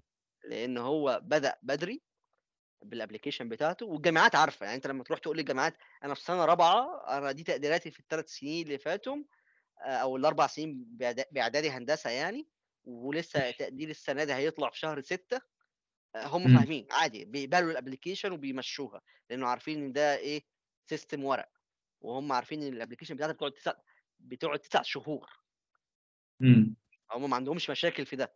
لو قبلوك في ال في, ال في ال application خلاص فأنت اتقبلت. حتى لو لم يعني أنت يعني هو جاله القبول آه، في شهر آه، أربعة أو خمسة على ما أتذكر وهو وإحنا كنا شهر ستة هنمتحن ال finals في سنة رابعة. يعني هو امتحن آه. ال finals ومشي. ومش هو بس كده هو وواحد تاني اسمه آه، آه، محمد عبد الهادي باشمهندس محمد عبد الهادي برضه من دفعتنا. محمد بسم الله ما شاء الله محمد عبد الهادي كان من الناس اللي تقديراته في ال level الوسط يعني اللي هو جيد جدا وجيد تقديرات الشعب زي ما بيقولوا يعني. آه، بس هو بسم الله ما شاء الله كان active كان بيشتغل مع معيد اسمه اللي هو حاليا دكتور في في الإمارات اسمه طارق طيف. آه، control اشتغل معاه في رساله الماجستير بتاعته ونشر مع طارق طيف آه، ورقتين قبل ما ي- أو ورقة باين قبل ما يمشي. وهو قبل ما يطلع من من ال undergrad وكمان آه، آه، راح كذا مسابقة وبتاع اشتغل يعني إيه ملى ال CV بتاعه. يعني صحيح ما رماش تقديراته يعني ما سابهاش توصل أربع سنين المقبول وفي نفس الوقت آه، ما كانش آه ما كانش راميها اهتمام قوي اللي هو جايب امتياز ولكن كان مخليها في النص وكان بيقوي ال profile بتاعه بحاجات تانية. إن هو يشتغل مع معيد في الماجستير بتاعه وينشر معاه إن هو يقدم على مسابقات وي- وي- وياخد جوائز فيها فكان بيع- بيعبي ال CV بتاعه بيملاه يعني. وفعلا بسم الله ما شاء الله هو خلص وسافر على طول وكان عنده جيش. آه وسا... آه وده كان من الناس اللي عندهم جيش. وساف بس هو سافر قبل الجيش. إزاي؟ أنت لما بتجيب قبول من جامعة قبل الج... آه قبل ما تتخرج آه مم. طبعا أنت زي ما قلت لك القبول أنت بتقدم مثلا في يناير م- من 11 ليناير عشان النتيجة تطلع لك في أربعة أو خمسة. فأنت تكونش لسه اتخر- اتخرجت و- آه. وعرفت أنت اتقبلت ولا لأ. آه. تمام؟ فهو هنقول بسم الله ما شاء الله انت قدرت تحصل على قبول من جامعة إكس بتاخد الجواب ده وتروح للجيش تقول لهم أنا معايا إيه؟ جواب قبول. بيعملوا لك إعفاء مؤقت وبتطلع بتطلع المنحة. هو مشى. في الطريق ده. هو عمل الإعفاء المؤقت وطلع وطلع آه للمنحه آه فده اللي أنا عايز أقوله. يعني أنت محتاج تبني البروفايل بتاعك من بدري. إحنا اتكلمنا عن درجاتك اتكلمنا عن اللغة آه وقلنا نبدأ نشتغل فيها إمتى؟ في ثالثه وف- وتحاول تاخد الامتحان في نص رابعة آه ما بين الترم الأول والثاني آه وال option الحاجة الثالثه آه آه هي زي ما أنا كنت بتكلم زي محمد عبد الهادي إن هو يخش مسابقات يجيب جوائز فيها اللي هو الشغل اللي في ال UDC وال SSTL. بسم الله ما شاء الله. طيب ال- زي ال UDC أنا عارف إن ال UDC بيروحوا اللي هي AIAA Design Build and Fly competition every year وهم بسم الله ما شاء الله ربنا يثبتهم في ده يعني ده شغل ممتاز اللي هي بتاعت ال AIAA competition الناس تشتغل معاهم الناس بتوع ال SSTL بيروحوا برضه مسابقات فباين في اليابان أنا متذكر. آه يعني أنا عارف إن الناس دول بيشتغلوا بيعملوا product وبيطلعوا وبيطلعوا output. فشغلك مع الحاجات ديت مهمة. آه آه الحاجة آه الحاجة ال- ال- ال- اللي أنا شايفها برضو مهمة آه الرابعة إنك أنت تكتسب skills سواء إذا كان للاكاديميا أو للصناعة. skills بمعنى إيه؟ أنا يا عم الحاج أنا عارف إن أنا عايز أشتغل في ال aerodynamics آه آه بتاع الصناعة. طيب. أروح أسأل بقى هم بيشتغلوا ب ANSYS ولا بيشتغلوا ب OpenFOAM ولا ب STAR-CCM+ ولا دي برامج CFD يعني أنا بقول الأسماء ديت لأنها برامج CFD أنا عارفها. هو حضرتك معلش حضرتك هنا بتتكلم بقى لو حد يعني مت target مثلا شركة معينة؟ أصل حضرتك عملت list آه آه أنت عملت آه عملت آه أنا عايز إيه أشتغل في المكان ده. هم بيتعلموا إيه؟ هم بيشتغلوا بإيه؟ هل هم بيعملوا hard coding C++ hard coding hard coding يعني هو يكتب الكود بإيده يعني. آه. hard hard coding بيعمل Fortran آه بيشتغل بإيه؟ بيبني الكود بتاعه بال C ولا بيبنيه بال Fortran أو بيشتغل على برنامج معين. اسأل الناس ابعت لهم إيميلات. هم هي مش هي مش هيخبوا عليك يعني. افتح صفحتهم على النت افتح صفحتهم على النت وص فيها. آه الحاجات اللي زي دي بتقول لك آه إن أنا محتاج أتعلم إيه؟ ال skill ديت محتاج أكتسب مهارة ال- البرنامج ده. مم. تمام؟ هتعلمه إزاي؟ آه مش لازم تروح دورة تدفع فيها شيء الفلاني. لو أنت قادر على ده go ahead أكيد طبعا هيبقى مختلفة عن إنك أنت تفتح اليوتيوب وتبقى بنفسك. بس لو إحنا مش قادرين نروح نجيب دورة بال- بالشيء الفلاني في الفلوس اليوتيوب. اليوتيوب كنز موجود يا جماعة. يعني أنا عايزك تكتب أي برنامج في دماغك واكتب جنبها كلمة tutorial. هتلاقي لسته طويله أنا اتعلمت ال C++ وال Fortran بسبب واحد على اليوتيوب اسمه Bucky the the Boston channel اسمها the Boston channel. بيعلم لغات برمجة بشكل غير طبيعي. فأنا اللي أنا عايز أقوله إنك أنت يبقى عندك mentor عندك mentor منين؟ علماء مصر عندهم خدمة ال mentor. هتقول له هتقول لهم أنا عايز واحد في ال control هيوصلوك بواحد في ال control أنا عايز واحد في ال C في في, في ال CFD هيوصلوك بواحد في ال CFD شايف إن علماء مصر ال option اللي مديهولك مش كويس. يا عم بتوع طيران أدي على ناس والله. ده مهندسين طيران الكبار أدي على ناس والله. كل دور محمد سمير الدمرداش في, في, أستراليا. ده الأول على الدفعة بتاعتنا. آه، محمد سمير الدمرداش أنا أنا عشت معاه سنة وهو لو قلت له حمادة كان بيتكلم على السنة اللي أنت عشتها معاك يقول يا دي الليلة. طلعت عينيه سامحني دمرداش بس أنا كنت بحبه صراحة. هو إنسان عسل يعني. آه آه آه محمد سمير من الناس الخدومة آه بيحب يساعد ولو كل لو حد في ال control عايز يت- توجيه هيكلمه. إسلام أبو سليمة في ال control مش عارف مين في ال propulsion ده المقصد بتاعي. خلي يبقى في. حد معاك أكبر منك شوية. الحد اللي معاك اللي أكبر منك ده هيساعدك يخليك ت- تعرف إيه ال- ال- ال- البرامج اللي أنت عايزها.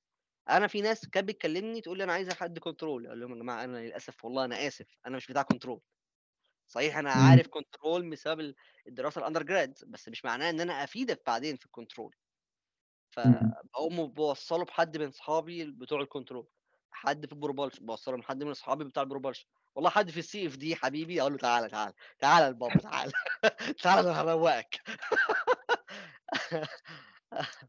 أنا بهزر بس. والله لط- أنا أنا لطيف لطيف خالص. طب هو آه، ال Fortran وال... نعم. على ذكر ال Fortran وكتابة الأكواد مم، وهكذا. يعني أنا فاهم طبعا الموضوع هيختلف من شركة للتانية ونظامها عامل مم، هل حضرتك شايف إن الطلبة يح- يعني مثلا في في ناس بتسأل آه، لأن إحنا عدت علينا م- مادة elective لو طبعا حضرتك تفتكر دكتور أحمد راشد. أيوه فكان آه، عني كل خير. علمني ال Python والله بس اتعلمت ال Python بسبب آه دكتور أحمد راشد كان كان في مادة elective هو كان منزلها كانت آه، يعني advanced finite element وكانت wow. حلو. آه يعني كانت mainly coding كان عايز إن هو بعيدا عن د- دخول في تفاصيل يعني فهو كان في ناس بت يعني في بالها السؤال ده. أنا دلوقتي هبقى معايا مثلا software جاهز أشتغل عليه أعمل modeling للمسألة اللي أنا عايز أحلها. وأسيب الكمبيوتر يتعامل ولا أنا المفروض هيكون عندي حتة لأ أنا أبني كود من الصفر للمسألة بتاعتي و- بالنسبة للمسألة سواء بقى structure هحل finite element أو مثلا aerodynamics هحل CFD ففي ناس عندها ال- الحيرة دي. يعني أنا هبني كود من الصفر في حاجة لازم أكون عندي طالع بال skill دي من ال under طيب. grad طيب. ولا user في للبرنامج ال under في ال undergrad آه خلينا بما انك أنت فتحت النقطة ديت. في نقطتين. واحد آه اعرف إنك أنت لما بتتعلم coding أنت مش بتخسر لا أنت بتكسب. آه ولكن أنت عايز تعمل يبقى صفتك إيه بعد كده؟ بمعنى في ناس بي آه آه بيحبوا لا يقول لك أنا مش هوجع دماغي في الكود أنا يا عم هروح أستخدم برن- برنامج معين واشتغل عليه وخلاص. دول ما فيش مشاكل معاهم عادي براحتك. بس آه. في ناس بيحبوا ال coding بقى بيحبوا يطوروا في ال schemes بتاعت ال finite element ال schemes بتاعت ال finite volume ال schemes بتاعت ال finite difference ولعلمك. آه، ده مش قليل. يعني أنا في الجامعة عندي هنا في المكتب اللي جنبي آه، الدكتور عنده طلبة. آه، الدكتور ده عنده his own code finite element code. هو عنده كود خاص بيه finite element. وبيعمل مم. بيه مسائل كتير. طيب الكود بتاعه ده هو بناه في قد إيه؟ في يوم وليلة؟ لا هو بناه في سنين. بس بناه في سنين إزاي؟ بيجيب طالب يشتغل عليه ويمشي. يجيب طالب تاني يشتغل عليه ويمشي. طيب مم. أنت ما عندكش ال opportunity ديت إنك يبقى عندك house in house code بيسموه in house code كبير وأنت هتقعد تطور فيه. هل ده معناه إن أنا ما أتعلمش أساسيات ال coding الصغيرة على كود تهبل صغير. finite element أتعلمه. عشان لما أروح عند الراجل ده أبقى أنا عارف أساسيات ال coding يعني معنى صح إيه؟ أنا بعرف أعمل coding لمسألة اويلر مثلا مثلا مسألة Euler Euler equations تمام. أنت لو ما اتعلمتش تعمل coding على مسألة اويلر مش هتعرف تعملها على المسألة الكبيرة اللي بتاعت الدكتور ال- العلاني اللي بيشتغل بيطور كود كبير كده عنده.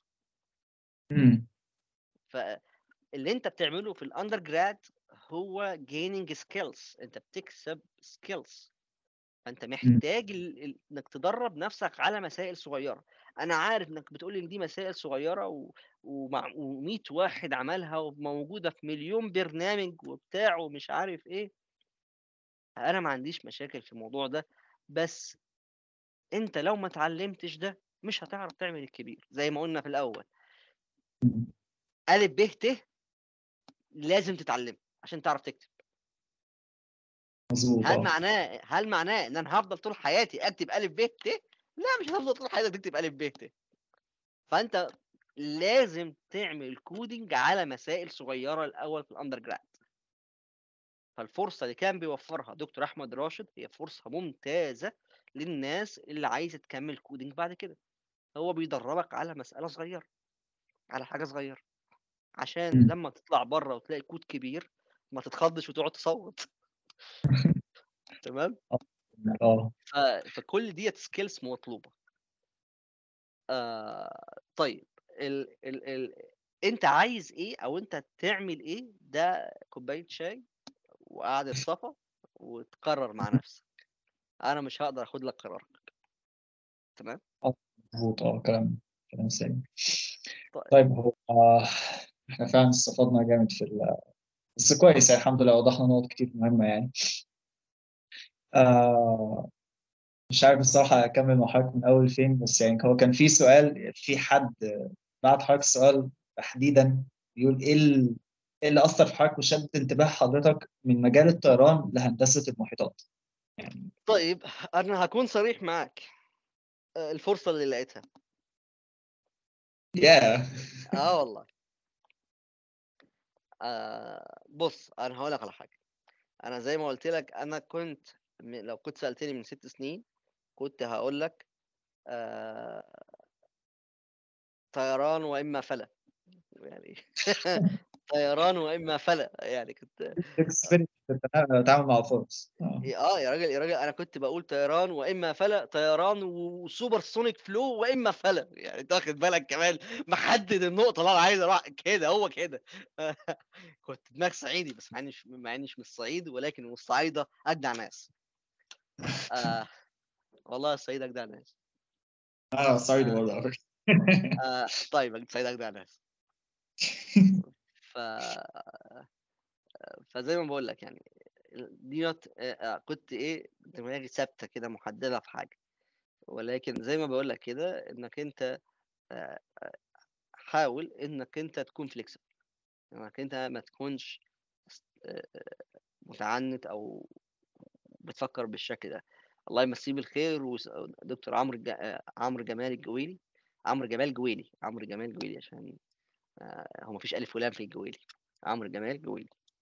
آه، هو اللي قال لي الكلمة دي. أحمد أنت لازم تكون flexible أنت لازم تبقى أنت عندك قابلية للتحرك في أكتر من مجال آه، وإلا مش هتعرف تتحرك. وزي ما قلت لك أنا سبحان الله آه، أنا رحت جيت على قسم ال ocean. كنت في جامعة ستيفنز. آه، جامعة ستيفنز من الجامعات الوسط. آه، كان ما بيني وبين قرارة نفسي بقول لأ إن الجامعة ديّة أنا مستواي أعلى من كده، أنا متضايق، أنا قاعد في ocean مش في الaerospace وكنت يعني كان جات لي فترة كآبة يعني.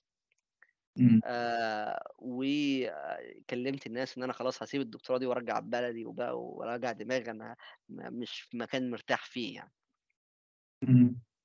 آآ والله الناس صبّروني وزمايلي كتير، فالصُحبة مهمة، يعني دكتور محمود عياد آه، خَد الدكتوراه بسم الله ما شاء الله، وهو جمايله مغرّقاني من من أصغر صباع ل لأعلى شعرة عندي، ربنا يمسّيه بالخير، اسمه محمود عياد.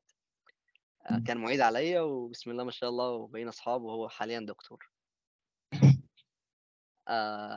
محمود كان هو اللي ص قعد يصبّر معايا وكان برضه موجودة زوجتي ووالدي وكده يعني، فأنا قُلت إيه خلاص رضيت وهديت، هي دي بقى الحتّة اللي أنا عايز أوضّحها لكم، شوف باقول لك إيه، رضيت وهديت، لمّا آه. ترضى وتهدى وتتقي الله آآ وتبذل كل ما في وسعك، ده أنا يعني أنا لمّا فترة الكآبة دي خلصت وهديت كده ورضيت وعملت ما في وسعي، آآ بسم الله ما شاء الله نجحت في الqualifier بعدها بشهر واحد، شهر واحد لقيت دكتورتي الqualifier ده امتحان في الدكتوراه آآ بتعمله عشان تثبّت نَفْسك في الجامعة، عشان لو سقطت فيه بترجع بلدك.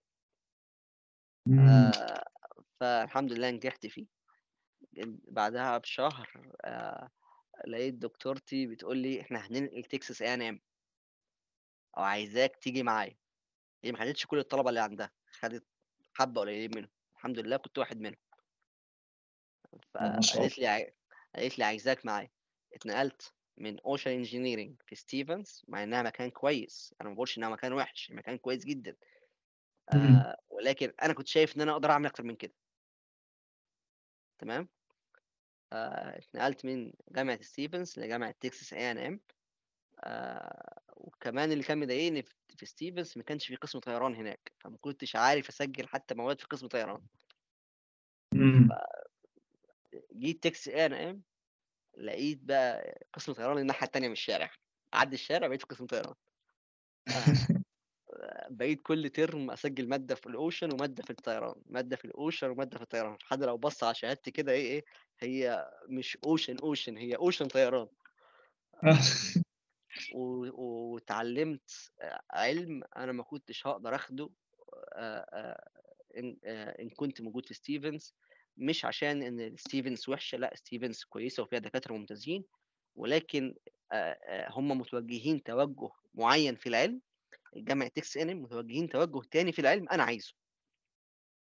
اللي هو الCFD مجال الCFD بشكل أساسي موجود بشكل قوي جدًا في Texas A&M. آآ وسبحان الله ناس كتير من زمايلي حاولوا يقدّموا على Texas A&M ما عرفوش يدخلوها. وهُم وأنا أكاد أجزم بالعشرة إن هم أحسن منّي. هو ياه! مش عشان حاجة، هو هو نصيب، هو ربّك بيقسّم الر الأرزاق. فاللي أنا كل أنا باحكي ليه القصة الصغيّرة ديّة عشان أقول لك إيه تصبر، ترضى، تعمل اللي عليك، ال3 حاجات دول. إمم. بالله لمّا تبقى ترضى من جوّه من قلبك، من هنا ترضاها كده رضا رضا حقيقي، مش تقولها بس على لسانك اللهم إني راضي الحمد لله وبتاع، لا، لا، اللسان ده حاجة وإن ال اللي يبقى الرضا جوّه القلب هنا ده حاجة تانية.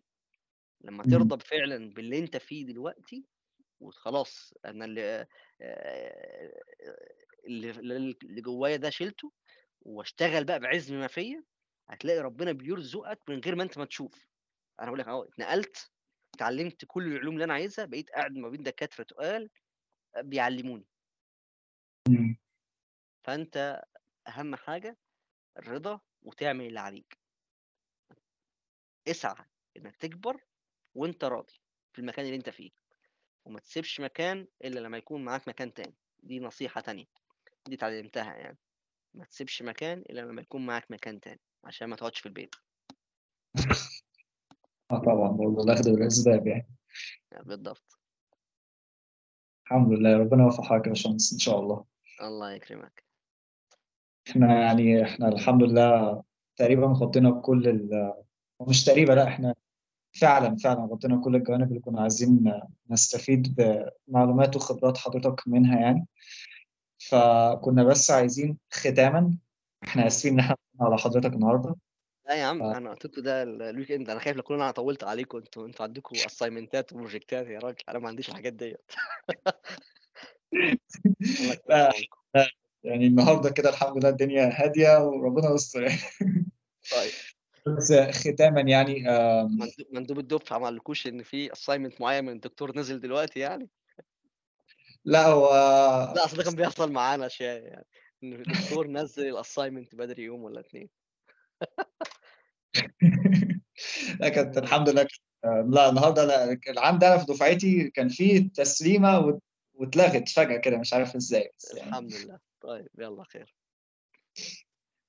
ختاما بس كده وجهة نظر حضرتك في مستقبل هندسة الطيران كاتجاه في المستقبل القريب وإيه النصيحة بقى يعني هو حضرتك طبعا آه، يعني اديت نصائح كتير خلال ال- المحادثة اللي بينا ولكن ختاما برضو لو حابب تلخص كل ده أو حابب تدي نصيحة أخيرة لل- لطلبة القسم حاليا أو لأي ناس آه، أجيال جديدة داخله القسم أو بتفكر فيه حابب تحب تقول إيه؟ آه حاجتين. آه اهتم بدرجاتك تاني. آه اشتغل على السكيلز لنفسك. اعرف الطرق المختلفة في للماجستير أو الدكتوراه أو للشركات. آه، شوف حاول تشتغل في مشروع بحثي. هو أنا صوتي مسموع ولا؟ بس الشاشة عندي فريز ألو آه معلش أنا النت عندي فصل. لحظة. آه، ماشي طيب. أنت وصل إيه آخر حاجة؟ عايز ثاني آه، حاجتين. آه طيب حاجتين. أول حاجة درجاتك. تاني آه اتنين آه ال- حاول إنك أنت ت- ت- آه، ت- ت- تكتسب skills جديدة سواء تعلم برنامج تعلم لغة أو غيره. آه جهز ورقك لل application واعرف طرقها بالتفصيل. أنا اتكلمت عنها شعارات. يعني حرفيا أنا بس مجرد ذكرت أسماء دور ورا الحاجة واعرفها وجهز نفسك ليها. آه، حاول إنك أنت آه، تشتغل في مشروع بحثي مع مع الدكاترة آه، مع طلبة ال- الماجستير اللي في قسم طيران قول لهم أنا مستعد أشتغل معاك في في مقابل إن أنت بس لما تيجي تنشر اسمي يتحط معاك. سواء إذا كان جوه مصر أو بره مصر. في دكاترة مصريين كتير بره مصر. تواصل. معاهم ممكن يرضوا. آه، تمام؟ أو حتى على الأقل يعني مش لازم برضه تخبطه الخبطة الأساسية ممكن تقول له إيه السكيلز أنا مهتم مهتم مهتم آه، أو أنا مهتمه آه، آه، مهتم أو مهتمة بالمجال الفلاني بتاعك إيه البرنامج اللي أنت بتستخدمه؟ روح اتعلمه. وبعد ما تتعلمه قول له قول له يا دكتور أنا اتعلمته. هل في فرصة إن أنا أشتغل معاك ريموتلي كده. يعني آه توري له إن أنت إيه اشتغلت على نفسك آه ومست... وجا- ومستعد تشت- تشارك. ليه ليه بقول كده؟ حتى لو ما قدرتش في النقطة ديت على الأقل حاول إنك تنشر من مشروع التخرج بتاعك. يعني حتى لو آه، أنت ما قدرتش تدخل نفسك في جروب بحثي مع دكاترة تانية بره مصر آه، آه، حاول إنك أنت آه، تنشر من مشروع التخرج بتاعك. الله يمسيه بالخير ويجازيه عني كل خير. دكتور آه، محمد مدبولي عبد الرحمن آه، في مشروع التخرج كنت أنا معاه. قال لي أحمد كنا أحمد وأنا وعبد الرحمن سلطان ده اللي كنا اتنين بس في المشروع. آه، أحمد عبد الرحمن أنا شايف الشغل بتاعكم ممتاز انشروه. أنا طبعا سمعت كلمة إيه؟ أنشر إيه؟ أنا يا دكتور أنا عارف اللي بينشر ده بيبقى إيه؟ كسر العلم بقى عارف بقى اللي هو إيه؟ جاب العلم كده من آخره. كده يعني. آه. ده اللي هو أصبح جهبذ أنا مين أنا يا دكتور؟ أنا لسه عيل يا دكتور. فوالله أ- أنا طبعا ما قلتلوش الكلام ده بس الكلام ده ضرب في دماغي يعني. قلت له دكتور طب أ- أنشر إزاي يا دكتور وبتاع وكده يعني. فراح جاي بيقول لي لا عادي آه، روح شوف الموقع ده نزل التمبل التمبلت بتاعتهم شوف اللي بيتحط و- وابدأ وامشي في الموضوع. ففي أساسيات للبحث العلمي آه، ممكن تلاقيها على اليوتيوب كتير ناس بتتكلم عنها بشكل كبير. وعلماء مصر عملوا كذا دورة على اساسيات البحث العلمي. آه، مشروع التخرج بتاعك ممكن يتحط في conference paper عادي جدا. يعني هو حتى هو قاليش حطه في journal paper النشر مستويين في حاجة اسمها conference paper في حاجة اسمها journal paper ال journal. paper make a breakthrough in the, in, in the science. ديت حاجة كبيرة يعني. آه فأنت ممكن تروح conference paper أنا ما بقولكش إن أنت ممكن مشروع التخرج بتاعك ما يعملش breakthrough لأ مشروع التخرج بتاعك ممكن يعمل breakthrough آه ويروح لل journal على طول. بس أنا مم. بقول لك ابدأ آه، يعني لو كلم الدكتور اتكلم معاه قول له الشغل ده ممكن يتنشر منه آه قال لك آه حطه في conference آه طيب يا دكتور إيه شيء حضرتك شايفه في level إيه؟ قال لك والله conference go ahead قول له لأ؟ قول له تمام. آه قال لك journal ممكن نعمل كذا ونعمل تبقى journal قول له تمام. يعني أنت حاول تسعى في النقطة ديت مع الدكتور بتاعك المشرف تمام؟ آه، أنا فعلا هو قال لي الجزء بتاعك ده يتنشر. طب هنشره فين؟ آه، قال لي روح نشره في اي سي اف دي الاي سي اف دي ديت كان مؤتمر بيعمله دكتور أحمد فاروق عبد الجواد. آه،. دكتور أحمد فاروق هو عميد كلية هندسة جامعة الزقازيق. بيعمله كل سنتين بيعمل المؤتمر ده كل سنتين. فقال لي إيه هو في دورة السنة دي روح قدم فيه. مم. فرحت فعلا نزلت الورقة وبتاع وقدمت و... يعني جزاه الله كل خير عن دكتور. دكتور مدبولي. قعد معايا في الم... على التليفون ثلاث ارباع ساعة بيراجع الورقة معايا وبيصلح لي أجزاء فيها. على التليفون. آه. عشان نسلم الورقة. يعني هو دي حاجة آه دي حاجة كبيرة يعني. إن هو يقعد معاك ثلاث ارباع ساعة يصلح لك الورقة عشان تتسلم. مم. فسلمناها سبحان الله ال paper بتاعتي جاتت best paper award وال best pap وال best paper award جيت recommended for a journal paper يعني ال conference هم اللي عملوا recommendation في journal paper وقالوا لي كمان ال fees بتاعتها مش هتدفعها إحنا هندفعها لك. آه فأنا يعني كنت- كانت باين الوالدة دعيالي جوه باين. ف... آه، فيعني إيه الحمد لله يعني. آه وسبحان الله لما عملت ال interview مع دكتورتي في آه في آه في, في, في التقديم للدكتوراه لما عملت ال- ال interview بتاع التقديم للدكتوراه هي قالت لي أنت نشرت يعني في توجه شوية لطلبة في مجال الهندسة مش في كل المجالات عشان الناس برضه ما تاخدش كلامي غلط. مم. في توجه شوية في مجال الهندسة إن هم عايزين ياخدوا الطلبة تعمل دكتوراه لما يكونوا ناشرين مم. فاهم قصدي إيه؟ آه آه فهي سألت لي did you publish anything انت نشرت حاجة قلت لها yes I published a conference paper and uh, the conference get awarded for a journal and it's published in a journal وال paper اهي مم. ف خلاص حرفيا أنا أتذكر يعني بعد الكلمة ديت وشافت ال paper الباقي بقية ال interview كان يعني إيه كان مجرد آه، logistics ات آه، إزاي هتيجي يعني. مم. فأنت نشرك مهم فحاول تنشر من مشروع التخرج. آه، الحاجة الثانية أنت ممكن أنا جايز تكون مش قلتها سهت عليا يعني أنت ممكن تطلع من undergrad for PhD direct بس لازم publication high grades. high- ثانية ثانية دي مش حاجة سهلة. إنك أنت ما آه. تعملش ماجستير وتطلع دكتوراه على طول. آه. في qualification for it. High grades درجاتك عالية. High English أو uh, grades عندك درجاتك في الإنجليزي ممتازة. مم. شايف الثالثة دي؟ دي مهمة.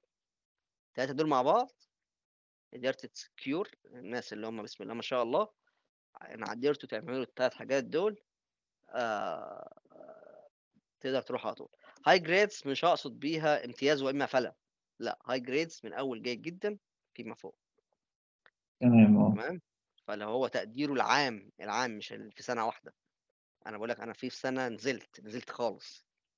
آه، فتقديره العام جيد جدا يقدر يقدم آه، بدرجات كويسة جدا في الإنجليزي وبابليكيشن في مشروع التخرج يقدر يقدم على دكتوراه على طول بدون ماجستير.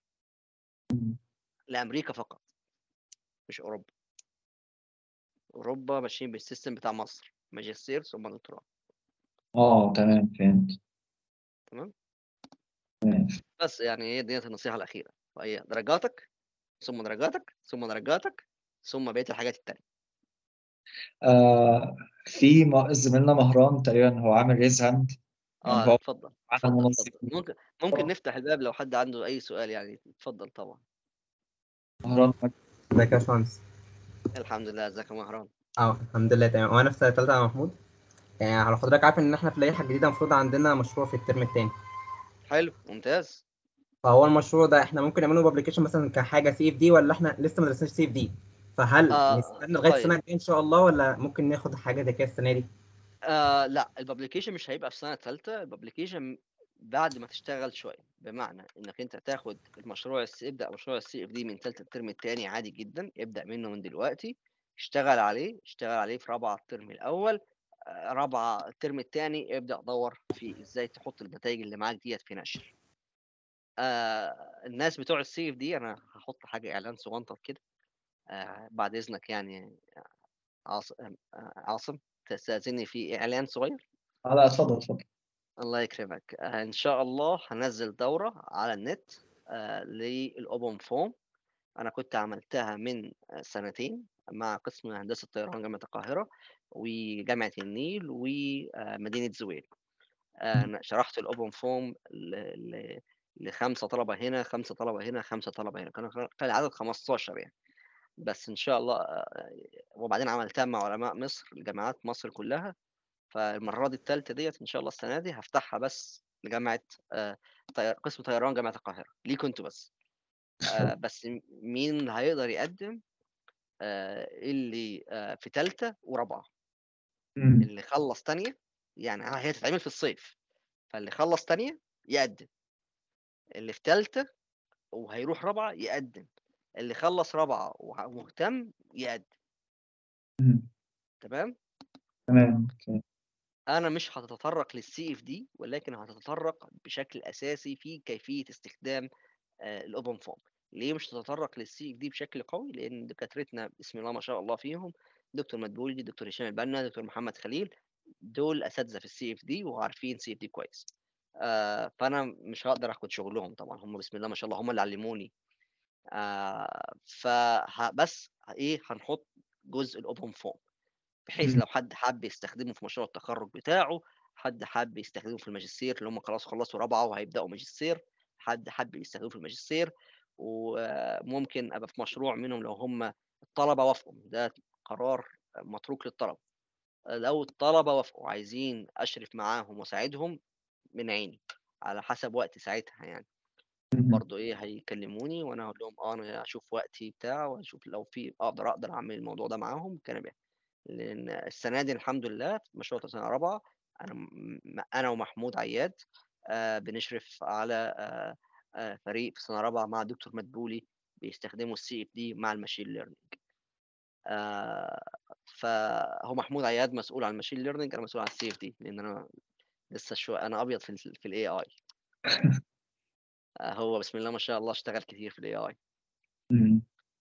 آه فزي ما بقول لكم آه وقتها آه أنا هشوف وقتي. وزي ما قلت لكم ما تشوفونيش أنا بس. يعني أنا ما بقولكوش تعالوا اشرفوا مع خلونا المشرف بتا... مع مع الدكتور بتاعكم. لا. مم. شوفوا ناس تانية. كلموا دكتور هيثم.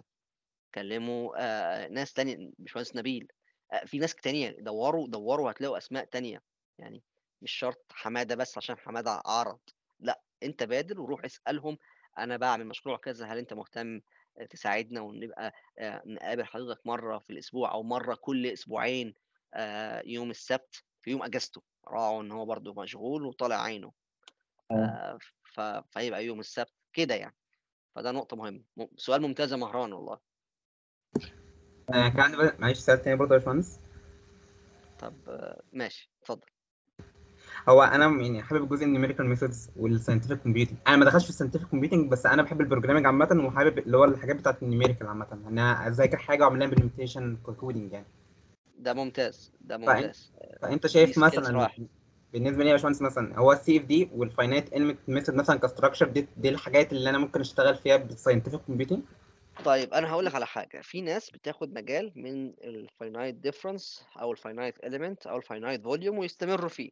أنا آه، كان وجهتي مختلفة شوية حبيت إن أنا أتعرف على الثلاثه تعرفت على ال finite difference من undergrad تعرفت على ال finite element مع دكتور عمرو الجويلي في الماجستير تعرفت على ال finite volume مع آه، دكتور آه، عاطف الشريف ودكتور أحمد توفيق الطويل. عشان آجي في الآخر بشتغل باتنين finite element و finite volume ما بقولش الناس اللي بتشتغل بال finite difference وحشين ده هم بيعملوا حاجات ممتازة بس أنا ارتحت في دول يعني.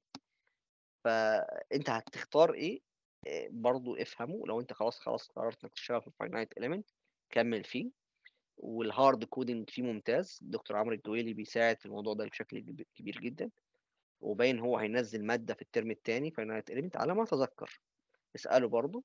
ولو ف... ف... وأنت مهتم إنك تروح تقعد تسمع بس تقول له أنا أنا أنا عارف إن أنا مش هسجل ولا حاجة بس أنا عايز أنا مهتم أجي محاضرات أسمع. بس لو قلت له الكلمة ديت التزم بالكلمة ديت وكل محاضرة تحضرها فأنت ما تروحش تكلمه إلا ما تكون جاد. مش بخوفك منه ولكن احتراما للشخص اللي أنت استأذنته وهو وافق لك. تمام؟ تمام. مجدي عندك سؤال من بعد إذن باشمهندس طبعا يعني. اتفضل.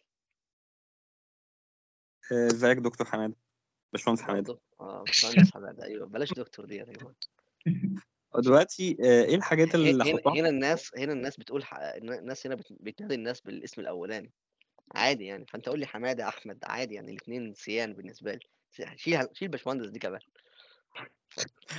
آه، دلوقتي سؤالي آه، إيه الحاجات اللي احطها في اعتباري وأنا بختار آه، فكرة لمشروع التخرج؟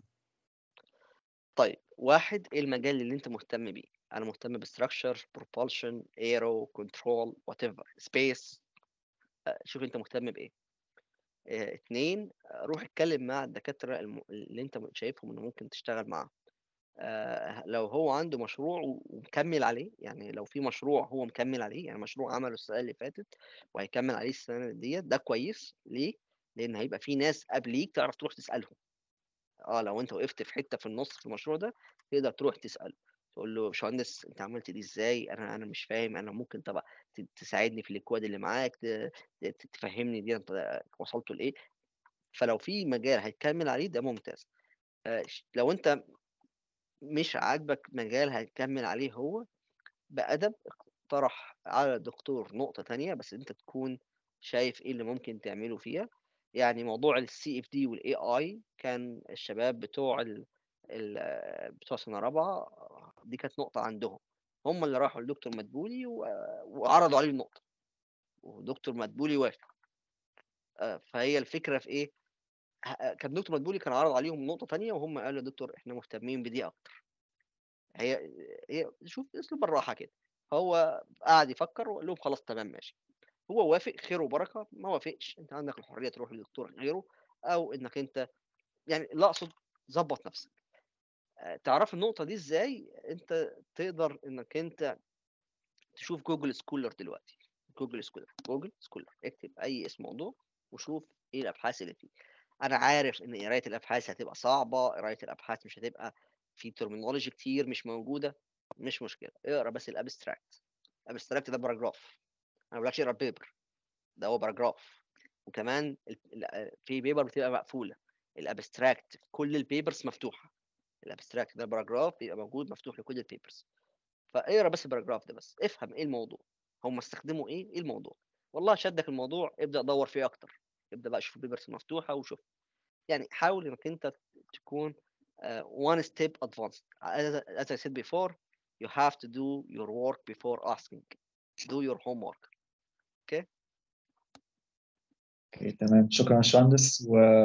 ومعلش تاني المرة الأخيرة بعد يعني بنعتذر عن الإطالة على حضرتك. لا يا عم ده أنا سعيد والله يعني حتى لما تو... لما أنتوا تواصلتوا معايا في موضوع الطيران أنا حتى سألتهم هو مين ال audience؟ قالوا لي طيران. قلت لهم يلا يا جماعة على بركة الله.